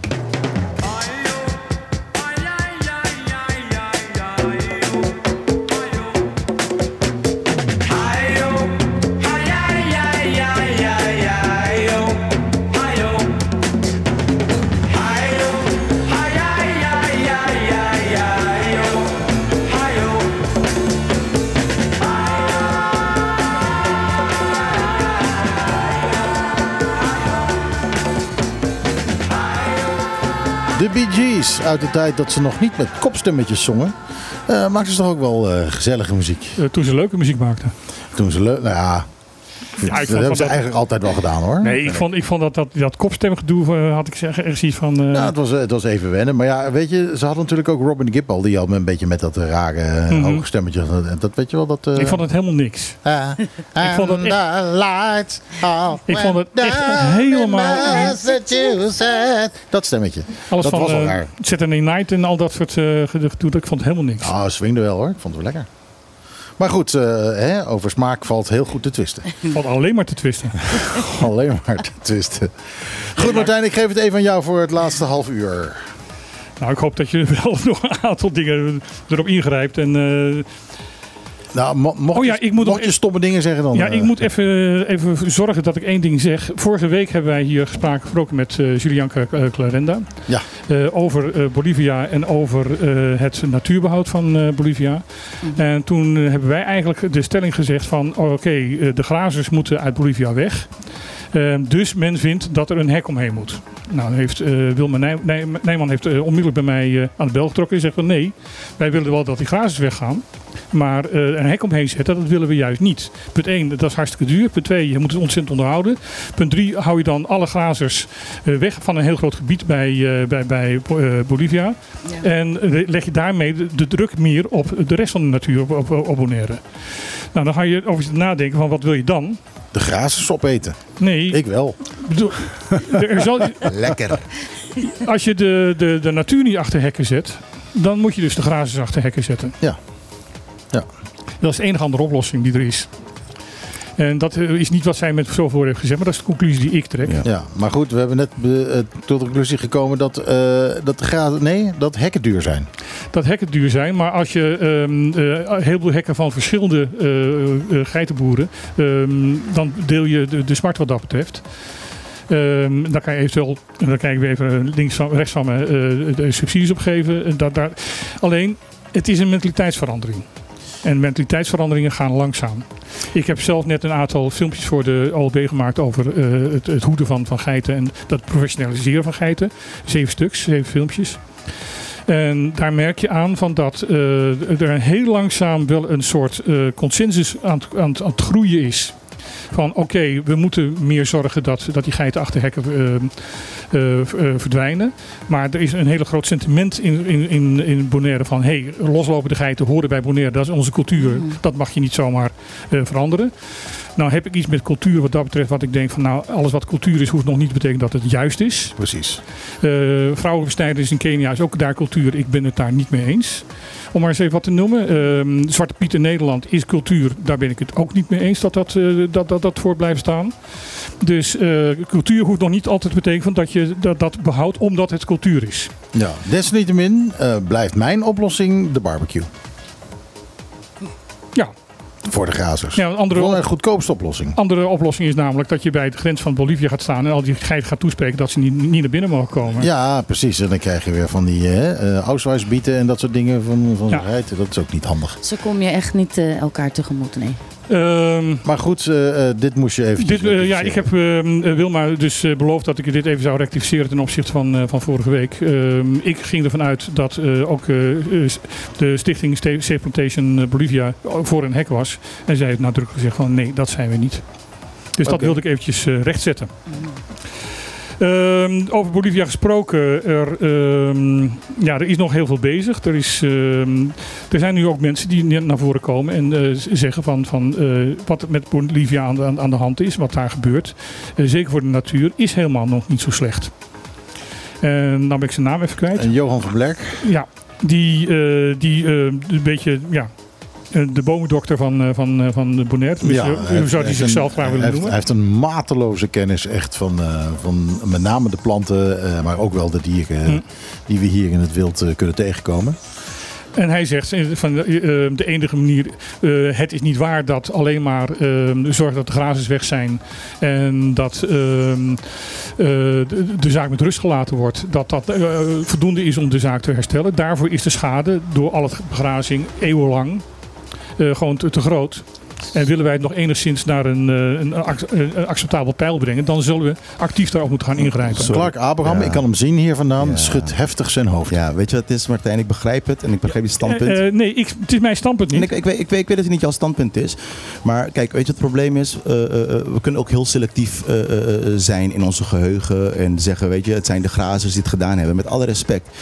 Het zijn de mens. De mens heeft alle bomen gekapt die op Bonaire waren in 1806. Ja, in Om de daar, schepen 19e van, eeuw. om daar ja. schepen van te maken. Nee, het was letterlijk. eh, Nederland was onder eh, Napoleon beheer. Eh, de eilanden kwamen onder beheer van de Engelsen. De Engelsen hebben Bonaire volledig in zijn totaliteit geleased aan een Amerikaan. En die heeft gewoon roofkap gedaan. Ja. Die heeft alle bomen die op Bonaire waren gekapt. vanuit, uit, laten we zeggen, een van de geruchten is dat zelfs de, de, de provinciale huis, de statenhuis van de gouverneur van New York, is gemaakt van bomen uit Bonaire, afkomstig uit Bonaire. Het punt is, het is de mens die die boom heeft gekapt. En daarnaast, daarna, hebben dan de grazers natuurlijk nooit meer een kans gegeven dat die bomen terugkwamen. Nee, maar En sowieso is niet- sowieso is de mens, want nou, de mensen hebben die grazen daar neergezet. Ook. En dus het punt is, ik vind het heel bijzonder alsof de, de, de, hè, wij als samenleving niet gaan zeggen, ja nee, het zijn de grazen. Nee, hallo. Het was juist menselijke activiteit die dit veroorzaakt heeft. En nu zeggen wij, kijk, de, mensen, de mensen hebben ook die grazers toegelaten. Exact. natuurlijk. En nu gaan wij wel weer zeggen, ja, weet je, nogmaals, ik vind dat ze die grazers weg moeten halen. hè. Maar het punt is, wat wij zeggen is, we gaan hetzelfde doen wat de oorzaak was van het probleem. Want waarom? Door commerciële activiteit van de mens is het veroorzaakt. En nu gaan we middels commerciële activiteit van de mens het herstellen. Ja, sorry. Dan, dan, dan ben jij mij volledig kwijt. Eh, eh, eh, nee, Bolivia moet een natuurpark worden. En daar moeten we een herbebossingstraject doen. En dat moeten we over heel Bonaire doen. En eh, met het hele argument van ja, om dat te bekostigen, dan gaan we weer ec- ec- economische, commerciële activiteit gaan we doen. En we gaan 1900 woningen bouwen. En ah, sorry, allemaal drogredeneringen om, om, om, om gewoon Nou, iets anders te doen. daarover over verder pratend. Ehm, ik heb ehm, eh, minister De Jonge toen hij hier was letterlijk gevraagd van is de, de Nederlandse staat bereid om eventueel eh, Bolivia terug te kopen om daar een natuurpark van te maken. Eh, het antwoord was ehm, eh, met heel veel woorden, maar het, eh, uiteindelijk kwam het op één klein woordje van drie letters uit. Nee. Ja. Dat zijn wij niet bereid. Dat was één te veel voor het antwoord die je wou. Ik had liever een antwoord met twee letters gehad. Ja, dat klopt. Ehm, dat is nog bevestigd door de Tweede Kamer, want de Partij van de Dieren heeft een motie ingediend eh, met dezelfde strekking van eh, gaat de staat, Nederlandse staat, eh, de Nederlandse staat moet opgeroepen worden dat Bolivia opgekocht wordt om daar een natuurpark van te maken. En een overweldigende meerderheid in de Tweede Kamer heeft gezegd nee, dat gaan wij niet doen. Ja. Dus als jij dit vindt, ehm, ehm, dan moet dat op een andere manier opgelost worden.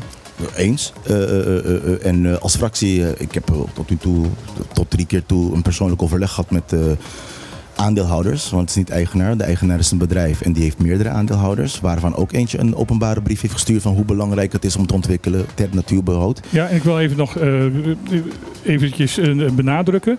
Wij hebben een aantal keren hier in de uitzending gezegd van dat de, de eigenaren eh, of de vertegenwoordigers van de eigenaren meer dan welkom zijn om hier hun mening te vertellen. Want er wordt tegen ons wel eens gezegd van ja, maar jullie zijn tegen alle ontwikkeling in Bo- Bolivia en daarmee zijn jullie geen journalisten. Nee, wij geven hier meningen weer van, Ja. van mensen die hier, hier komen. En wij hebben nadrukkelijk, ook van de week, hebben wij dus een brief naar ehm, eh, eh, eh, Bonaire Properties gestuurd van dat wij heel graag hun uitnodigen om hier te komen. Wij hebben, ik heb daar geen antwoord op gekregen. Nou, weet je, de luxe die ik heb is dat we gewoon een standpunt kunnen afgeven en waar we voor staan. En dan ja, zullen ze het maar mee moeten doen. Maar dat weten ze ook, want ons standpunt is niet gewijzigd vanaf het eerste gedeelte tot het laatste. In het laatste gesprek eh, was het ook heel duidelijk. En dan vond ik, kijk, nogmaals, hè, ik eh, ben absoluut niet onder de indruk dat eh, de heer Breemhaar, zijn vrouw, van, van kwade willen is. Absoluut niet. Het is een ontwikkelaar, het is een, een, een ondernemer. ehm, Zijn die doel een is, terrein... en, dat, en, dat is niet vies, is geld verdienen. Nou, eh, eerlijk gezegd, ik denk niet eens dat dat zijn doel is daar. Maar als ondernemer eh, eh, neem je de ruimte die de wet jou biedt. En dat is zijn recht. En hij heeft recht daartoe en dan doet hij. Het punt is, in dit gesprek wat met hem, en dan vond ik wel, vond, vond ik wel oprecht. Ik zei, ja leuk, maar wat wil Bonaire zelf, vraagt hij aan me. Nou, eh, dat is een eh, hele mooie. Dan geven wij ons standpunt van wat Bonaire wilt. Maar niet dat, daar, daar, daar los van. Kijk, luister. Bonaire heeft tot heden één rapport vastgesteld. En dat heet rapport Even, even Poirier. kort, eh Kamp Ja? Ja, heet rapport Poirier. En die rapport Poirier zegt ontwikkeling met behoud van cultuur en natuur. That's it. Al het andere is meningen van individuelen. Tot gewijzigd beleid is dat het beleid dat er staat. Daarnaast hebben we ook een strategisch toeristisch plan van hoe wij Bonaire verder toeristisch willen ontwikkelen. En de heer, de ontwikkelaar, zegt heel duidelijk als hij eh, een bestuurder Kroon vraagt, dan heeft hij een standpunt. Als hij Nina vraagt, heeft die een standpunt. Als die Elvis vraagt, heeft hij ook een ander standpunt die afwijkend is van Nina. En wij hebben een standpunt. Dus die ontwikkelaar zegt alleen maar, luister, als niet van Bonaire eenduidig eh, wat komt, dan gaan wij gewoon van wat we denken dat we willen. En daar gaan we gewoon 100% voor. En toen kwam de conclusie, en dat vond ik het belangrijkste. Aan het eind zegt hij: Oké, is goed. Jullie zijn niet dat we willen dat zo dat ontwik- ontwikkeld wordt zoals we voorstellen, maar breng het alternatief. En het alternatief was dus heel simpel: maak een natuurpark. Wil je sociale woningen bouwen? Geen probleem. De overheid zet erfpachtsgronden daar te, ter tegenover als een PPP-project. Maak je sociale woningen, dan kan je lekker daar geld verdienen. Heeft de samenleving ook nog wat aan. En dan gaan we gezamenlijk dat bestempelen als natuurpark. En als de overheid daarin moet vergoeden in de aankoopkosten, dan doen we dat. Eh, dan kijken we hoe we dat doen. Uiteindelijk, de vraag is dit. En ik denk dat het een essentiële vraag is. Als wij zeggen dat wij naar duurzaam ontwikkeling en duurzaam eh, toerisme willen. Als we alles volbouwen, naast het verblijf zelf, wat blijft er te beleven op Bonaire? Want overal is alleen maar woningen en panden. En waar zijn we in duurzaam dan? In de hagedissen die in je tuin rennen? Nee, je moet locaties hebben waar mensen ook naartoe kunnen gaan om duurzaam te beleven. Met andere woorden, jouw mening is van we moeten naar een natuurpark. Ja. Eh, dat is duidelijk. Ehm, over sociale woningbouw gesproken. Eh, heeft iemand eh, het artikel in quote gelezen van Maarten de Gruiter? Ik niet, want ik lees de quote niet. Nou, die, eh, die zegt van dat hij een ehm, grote belangstelling voor Bonaire heeft. En dat hij ehm, eigenlijk ook vindt van jongens, in Nederland een, een woningsnood. in Bonaire hebben ze een woningsnood. Vooral op sociale woninggebied. En ehm, hij heeft. Ja, ehm, hij zegt dat hij ehm, eh, een, een plan heeft ingediend hier. eh, om eh, meer sociale woningen te, te bouwen. Hij- daar zegt hij ook dat hij daar erg in tegengewerkt is, dat hij ermee opgehouden is. Hij heeft alleen wel nog een, een, een, ehm, een, een leuk idee, een leuk plan. Hij zegt van iedereen die hier een luxe villa neerzet, is verplicht om ook mee te betalen aan twee sociale woningen. Ja. Ja. Ja. Ja, Ik weet niet hoe je dat- Wat, hoe wat, je wat dat- moet ik daarop zeggen? Ik weet niet of je, hoe je dat wettelijk moet gaan, eh, gaan, gaan afdwingen, maar eh, het, is, het is een idee. Ehm, er staat ook in de, in de Antilliaans Dagblad van, de, van vandaag staat een artikel eh, over hem. Dus da- daar kan je het verder lezen. Ehm, iets anders. ehm, we hebben het hier al eerder gehad over de zeeegels. Nou ben ik eventjes aan het zoeken waar eh, het ook weer bij staat. zeeegels die eh, in de jaren, wat is het, 80, 90 op een gegeven moment een enorme pandemie hadden. Eh, onder de zeeegels, waarbij, wat is het, 80 of 90 procent ervan is afgestorven. Ja, Die zeeegels die zo verschrikkelijk belangrijk zijn en waar ik zo bang voor was toen ik als vijfjarige op Hotel Avila in Curaçao mijn De- zwemles deed. Dat ik er het water in moest springen en dat ik die dingen kon zien. Terwijl ik helemaal niet zo diep sprong natuurlijk. de diadema zeeegel. Ja, dat zijn die, eh, die, die Ja. zwarte met die lange stekels. Het slechte nieuws is, is dat er weer opnieuw een pandemie is uitgebroken. En dat er weer 90% van de kolonies die ze hebben onderzocht verdwenen zijn. Oh, dat is eh, heel problematisch, want het is een van de weinige beesten die de algen eh, Van de koraal opeten, afvreten. ja. Ja. Dus ehm, ze zijn, net zoals in de, in de jaren 80 vorige eeuw, staan de deskundigen voor een raadsel waarom het in hemelsnaam gebeurt. Eh, het is een ziekte, het moet iets besmettelijks zijn. Want ehm, een, een, eh, begin dit jaar, in februari, eh, zijn de eerste plekken in het Caribisch gebied gevonden waar ze aan het afsterven zijn. Een paar maanden later had zich dat tot, eerst naar Sint Eustatius en daarna naar Curaçao. Het verplaatst zich, dus het is iets besmettelijks. Oké, maar de, hier hebben we het nog niet. Ja, in Curaçao is het ook al geconstateerd. In Curaçao wel, maar nog niet bij ons. Bij ons Eh, nog Maar niet. goed, dat kan niet lang meer duren. Dat kan niet langer meer duren. En eh, het, het is net zo eh, desastreus als in de jaren 80. En iedereen van burgers en toeristen, beroepsmatige duikers, wordt opgeroepen om te melden. Eh, als er dode of zieke zeeegels gevonden worden, om zodat eh, daar dus onderzoek naar gedaan kan worden. Ja, hoe zie je dat? Nou ja, dood als, die, eh, Als het dood is, dan is het vrij duidelijk. als de stekels eraf zijn. Dus zodra je dus iets, iets, iets vindt, ehm, ja, ga, meld dat in ieder geval bij Stinapa Ehm, en of, bij- of bij DCNA. En op die manier proberen ze om zicht te krijgen, om in ieder geval te gaan begrijpen wat er nou eigenlijk aan de hand is. Ja, nou ja, eh, precies. eh, jongens, het is belangrijk hè, met z'n allen helpen. Wat, wat er in de, eh, in de jaren 80 is gebeurd, daar zijn we nog niet van teruggekomen. Het is, Het, het is nog lang niet terug Nee. naar het Nee. niveau dat het toen was. Een ander nieuwtje wat we nog zeker moeten bespreken is dat een Unkebon heeft aangekondigd dat er zeker een rechts, rechtszaak tegen de Nederlandse staat gevoerd gaat worden. Applausje. over het. Over het. eh, nou, even kijken, ik zal ik dat eh, dan even maar. Ja, waarover eigenlijk? Ja, oh, je hebt het applausje. Oké, ja, en, eh, nou, dit is, ja, erg belangrijk. Laten we alleen hopen wel dat het ze lukt, want het is natuurlijk wel iets Nou, fundamenteels. het is iets fundamenteels. En, Ja, sorry, we moeten eerst even zeggen waarover ze dan rechtszaak gaan en willen gaan over dat uh, vindt dat Nederland Bonaire en de Bes-eilanden in het algemeen verwaarloost. En eh, eh, niet goed, gezorgd voor, de- voor de bevolking van, van hier. Door onder andere constant dat sociaal minimum eh, uit te stellen. Het is nu ook duidelijk van dat eh, wat we in 2025 ehm, hier wel naar het eikpunt gaan. Maar dat het sociaal minimum nog eh, ver buiten bereik is. En dat eh, dat nu ook letterlijk wordt gezegd dat eh, dat, dat wordt eh, doorgeschoven naar het volgende kabinet. En dat ook de staatssecretaris die zei van nee, we gaan een sociaal minimum hier invoeren. En we gaan dit en we gaan dat. We gaan zorgen dat de bevolking beter krijgt. Ehm, een motie vanuit de, de, de Tweede Kamer van de Weerpartij van Dieren van Raan, die daar heel erg actief in is, samen met Wuiten, eh, heeft eh, ontraden. Dus de staatssecretaris die hier zegt van dat, dat, dat we gaan eh, richting ehm, sociaal minimum.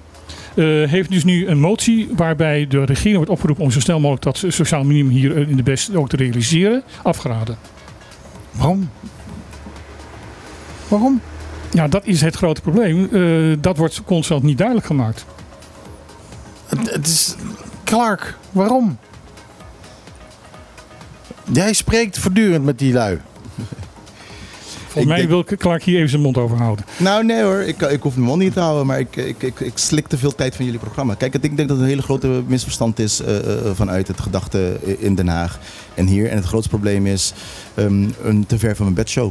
Geen een van de mensen die daarover gaan in Den Haag eh, heeft familieleden, eh, broer, zus, eh, nicht, neef. ja, die en het, onder het deze levert, het levert geen zetelwinst op. het levert geen zetel in. Het levert geen zetel in, maar er is ook niet eens een sociale lashback. Dus kijk, het moet met, alle, met die verstanden. Het zijn twee wetsregimes. De Tweede Kamer, Eerste Kamer gaan over twee wetsregimes. Eentje die geldt voor Europees Nederland en eentje voor ons. Geen van hun of familieleden woont onder deze. Mhm. Dus als hun moeder niet een persoonsgebonden budget krijgt of niet een goed pensioen krijgt, of als hun zus eh, even de baan kwijt is, geen werkloosheidsuitkering kan krijgen. Ze, ze krijgen die feedback niet. Wij zitten vaak genoeg in Den Haag en dan zijn we uitleggen hoe de wetgeving hier is. En dan zie ik Kamerleden kijken van, huh, is de wet serieus da- daar zo? Huh, maar hoe dan? Maar, maar, maar bijvoorbeeld, oh, de gezaghebber hier is niet benoemd door, of niet eh, voorgedragen door de raad. Waarom? Waarom is het anders dan de gemeente? Oh, je moet invoerrechten betalen op zonnepanelen. Huh? Waarom is dat zo? Er zijn niet wetten die wij gemaakt hebben. Dus zij maken wetten waar zij niet van bewust zijn van wat de consequenties zijn. En die feedback en die lashback van de samenleving is te ver weg. Vergeet ook niet dat in Nederland zelf, als je 20.000 mensen hebt die geleden hebben onder een toeslagenaffaire, waar kinderen uit huis zijn gehaald. Acht jaar na dato waar nog leven- steeds niks is Waar gebeurd. levens echt verwoest zijn. Daarom. In Nederland, in Europees Nederland. Dus met alle respect, wij zijn Ja, gewoon de waar is 20. Bonaire? Daarom. Wij zijn de Echt, eh, 20.000. voor, voor, eh, aan een lot overgelaten. Wij zijn 20.000 eh, andere toeslagenaffaire eh, eh, eh, klanten die aan de andere kant van de oceaan wonen. Dus moet je je voorstellen als die 20.000 daar al niet serieus wordt genomen. Ja. What about us? Ja. Ja. Waarom, waarom zijn we verbaasd? Met andere woorden, we moeten het gewoon zelf doen. Met andere woorden moeten we het zelf doen. Dan, maar dan is dit toch een goede stap. Ja. Dat is een hele goede stap. Ik vind het- ook ik vind- En, eh. Dit is, En- ik, ik vind het een no- noodzakelijke stap. Ze hebben, en dat wil ik even nog, eh, want we zijn bijna bij het eind van het programma. Eh Unkebon heeft van de 150.000 dollar die ze denken nodig te hebben om deze zaak eh, tot een goed einde te brengen, hebben ze nu vij- eh, 70.000 hebben ze binnen. Dus iedereen wordt opgeroepen, al is het maar, al is maar eh, 10 cent. Eh, eh, naar eigen vermogen, ehm, eh, doneer eh, dat naar de, de Con- Consumentenbond om te zorgen dat zij dit, dit kunnen gaan doen. Ja. En ik denk dat het een hele noodzakelijke stap is, ook om te laten zien van jongens, we hebben ook tanden om te bijten. Ja, ja, nou ja, het is ik, wat ik. Misschien is wel het allerbelangrijkste hiervan. Daar heb ik altijd in geloofd. Ik heb in het verleden ook YouTube-filmpjes gemaakt. waarbij ik me er kwaad over maakte. Eh, het allerbelangrijkste, denk ik, is eh, gewoon dat we in Nederland gehoord worden. En niet alleen door de politici, maar ook door eh, de Nederlanders zelf. Want die weten Nou ja, ook dat- niet hoe het hier gaat. Die komen hier en die zitten in een hotelletje. En daar hebben ze lekkere drankjes. Ja, en ze leuk worden, eh, allemaal. ze worden leuk bediend en het is Ja. allemaal mooi. En oh, wat is die zee toch ontzettend blauw. Maar ehm, ja, die zien niet. Of ze moeten echt gewoon hun ogen open eh hebben. Nou in en dat opzicht maakt rijden. Maar dus- die zien niet hoe arm het kan zijn in Rincon. Om- Eh, om- of dat- gewoon dat- zodra je de weg afgaat hier. Op dat moment maakte ik me ook erg boos. gaat, ja. Op dat moment maak ik me ook wel erg boos. En nu? Martijn maakt zich kwaad. Nou, ik ga er even voor zitten. Nou ja, waar ik me kwaad over maakte is van dat ik dus ehm, eh, gisteravond eh, eventjes ehm, een aantal eh, websites die ik wel regelmatig be- bekijk en, eh, en lees, eh, zat na te kijken. En daar kwam ik onder andere bij de website van ehm, eh, Maarten, Maarten van Rossum, die een eigen tijdschrift heeft. Ehm, met een aankondiging van een artikel van een van de historicus die, ga, die ehm, een heel verhaal houdt. En de aankondiging was van ja, ehm, de, de Consumentenbond in Bonaire heeft een rechtszaak aangekondigd eh, tegen de staat. Dat heeft namelijk het NRC gestaan. Dus ook Nederlanders eh, in Europees Nederland hebben daar dus kennis van genomen. Wat moeten we nou eigenlijk met die Antillen? En wat, eh, wat, waarom willen ze nou zo graag bij ons blijven? En eh, toen was de conclusie van, eh, dat werd al in, in de kop gezegd van, ja, dat komt omdat ze gek op oranje zijn. Op het Koningshuis. Misschien, misschien toch wel om, om een beetje verduidelijking daarin te geven. En eh, Michiel noemde het ook aan aan het begin. eh, eh, eh, eh, eh, eh, Mag ik even mijn een verhaal beetje- afmaken dat ja, ik boos sorry, ben? Tuurlijk, jij mag al een tijdje een verhaal afmaken. Ehm, Nou, als je het artikel leest, dan eh, wordt er inderdaad een, een, een soort historisch eh, verhaal gehouden over eh, hoe de Antillen zijn ontstaan. eh, dat eh, de, de Antillen eigenlijk eh, ten opzichte van andere landen wat slavernij betreft niet zo belangrijk waren. Behalve dan Curaçao en Sint Eustatius, omdat er doorvoerplekken waren van, eh, waar, waar de, de, de mensen uit eh, eh, Afrika werden doorgestuurd naar, eh, naar Zuid-Amerika toe. Vooral naar Spaanstalige landen. Ehm, en ehm, ja, toen moesten ze wat, toen, eh, toen na de Tweede Wereldoorlog, om, eh, dat, dat eigenlijk die, die kolonie, niet meer konden. En toen hebben ze maar dit gedaan. Ehm, eh, de hele teneur van dat artikel was van, van ja, god, we zitten er helemaal mooi opgescheept, maar eigenlijk zouden we er het liefst van af. En dat vond ik bij een tijdschrift van Maarten van Rossum, die ik toch redelijk hoog had zitten, vond ik vrij kwalijk. En, en vrij eh, laag, ja, tot, tot, eh, erg makkelijk, laat ik het zo zeggen. En nou mag jij hier, Clark. Nou, de vraag is of het überhaupt ook waar is. eh, in, de zin Exact. van, in de zin van, kijk, ehm, er is een gebruik dat wij heel vaak hier onderschatten.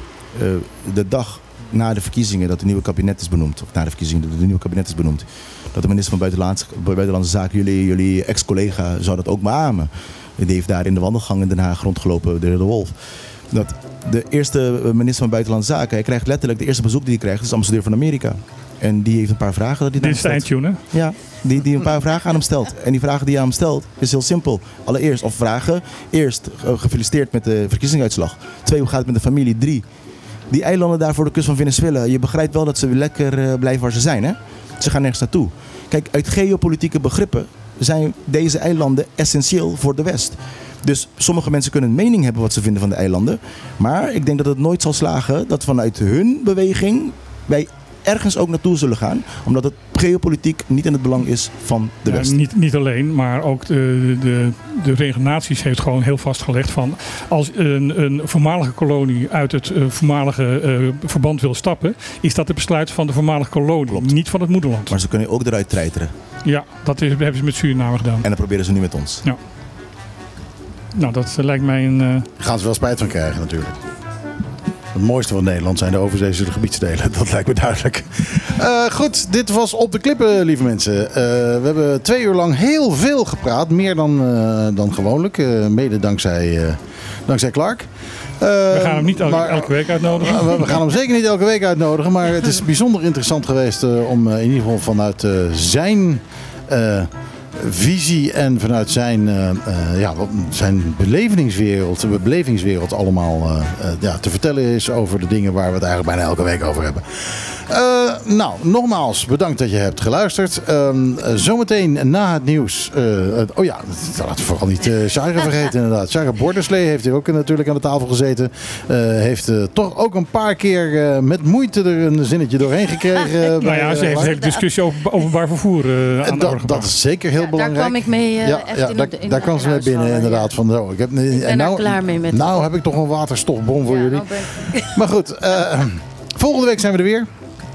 Eh, zelfde tijd. Eh, na het nieuws hoor je niet de top 20, eh, de, niet de klaar top 20. Eh Ron Gijzen heeft eh, uit protest te- tegen de kwaliteit van de mu- eh, muziek van tegenwoordig eh, heeft hij besloten dat een week niet te doen. Eh, uit hetzelfde protest heb ik alleen maar platen uit de ethisch en daarvoor gedraaid dit programma. En eh, eigenlijk zouden we dit moeten volhouden. Ja. Maar ja, eh, Ja. Hè, dus de computer draait zometeen na het nieuws. Daarom kan ik eigenlijk gewoon doorgaan. Er zit niemand te wachten. eh, wat dan ook. Dus ik kan, ik gewoon blijven praten, blijven praten. Geen probleem. Toch ga ik het niet doen. Namens en met ons allen zeg ik voor deze week... Een jootje cadeautje. cadeautje.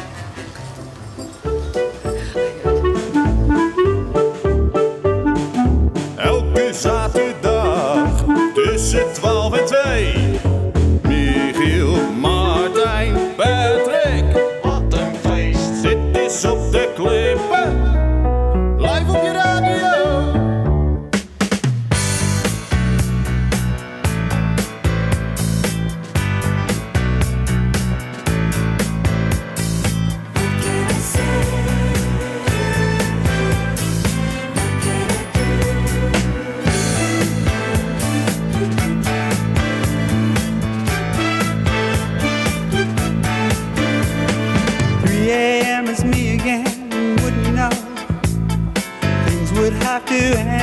way.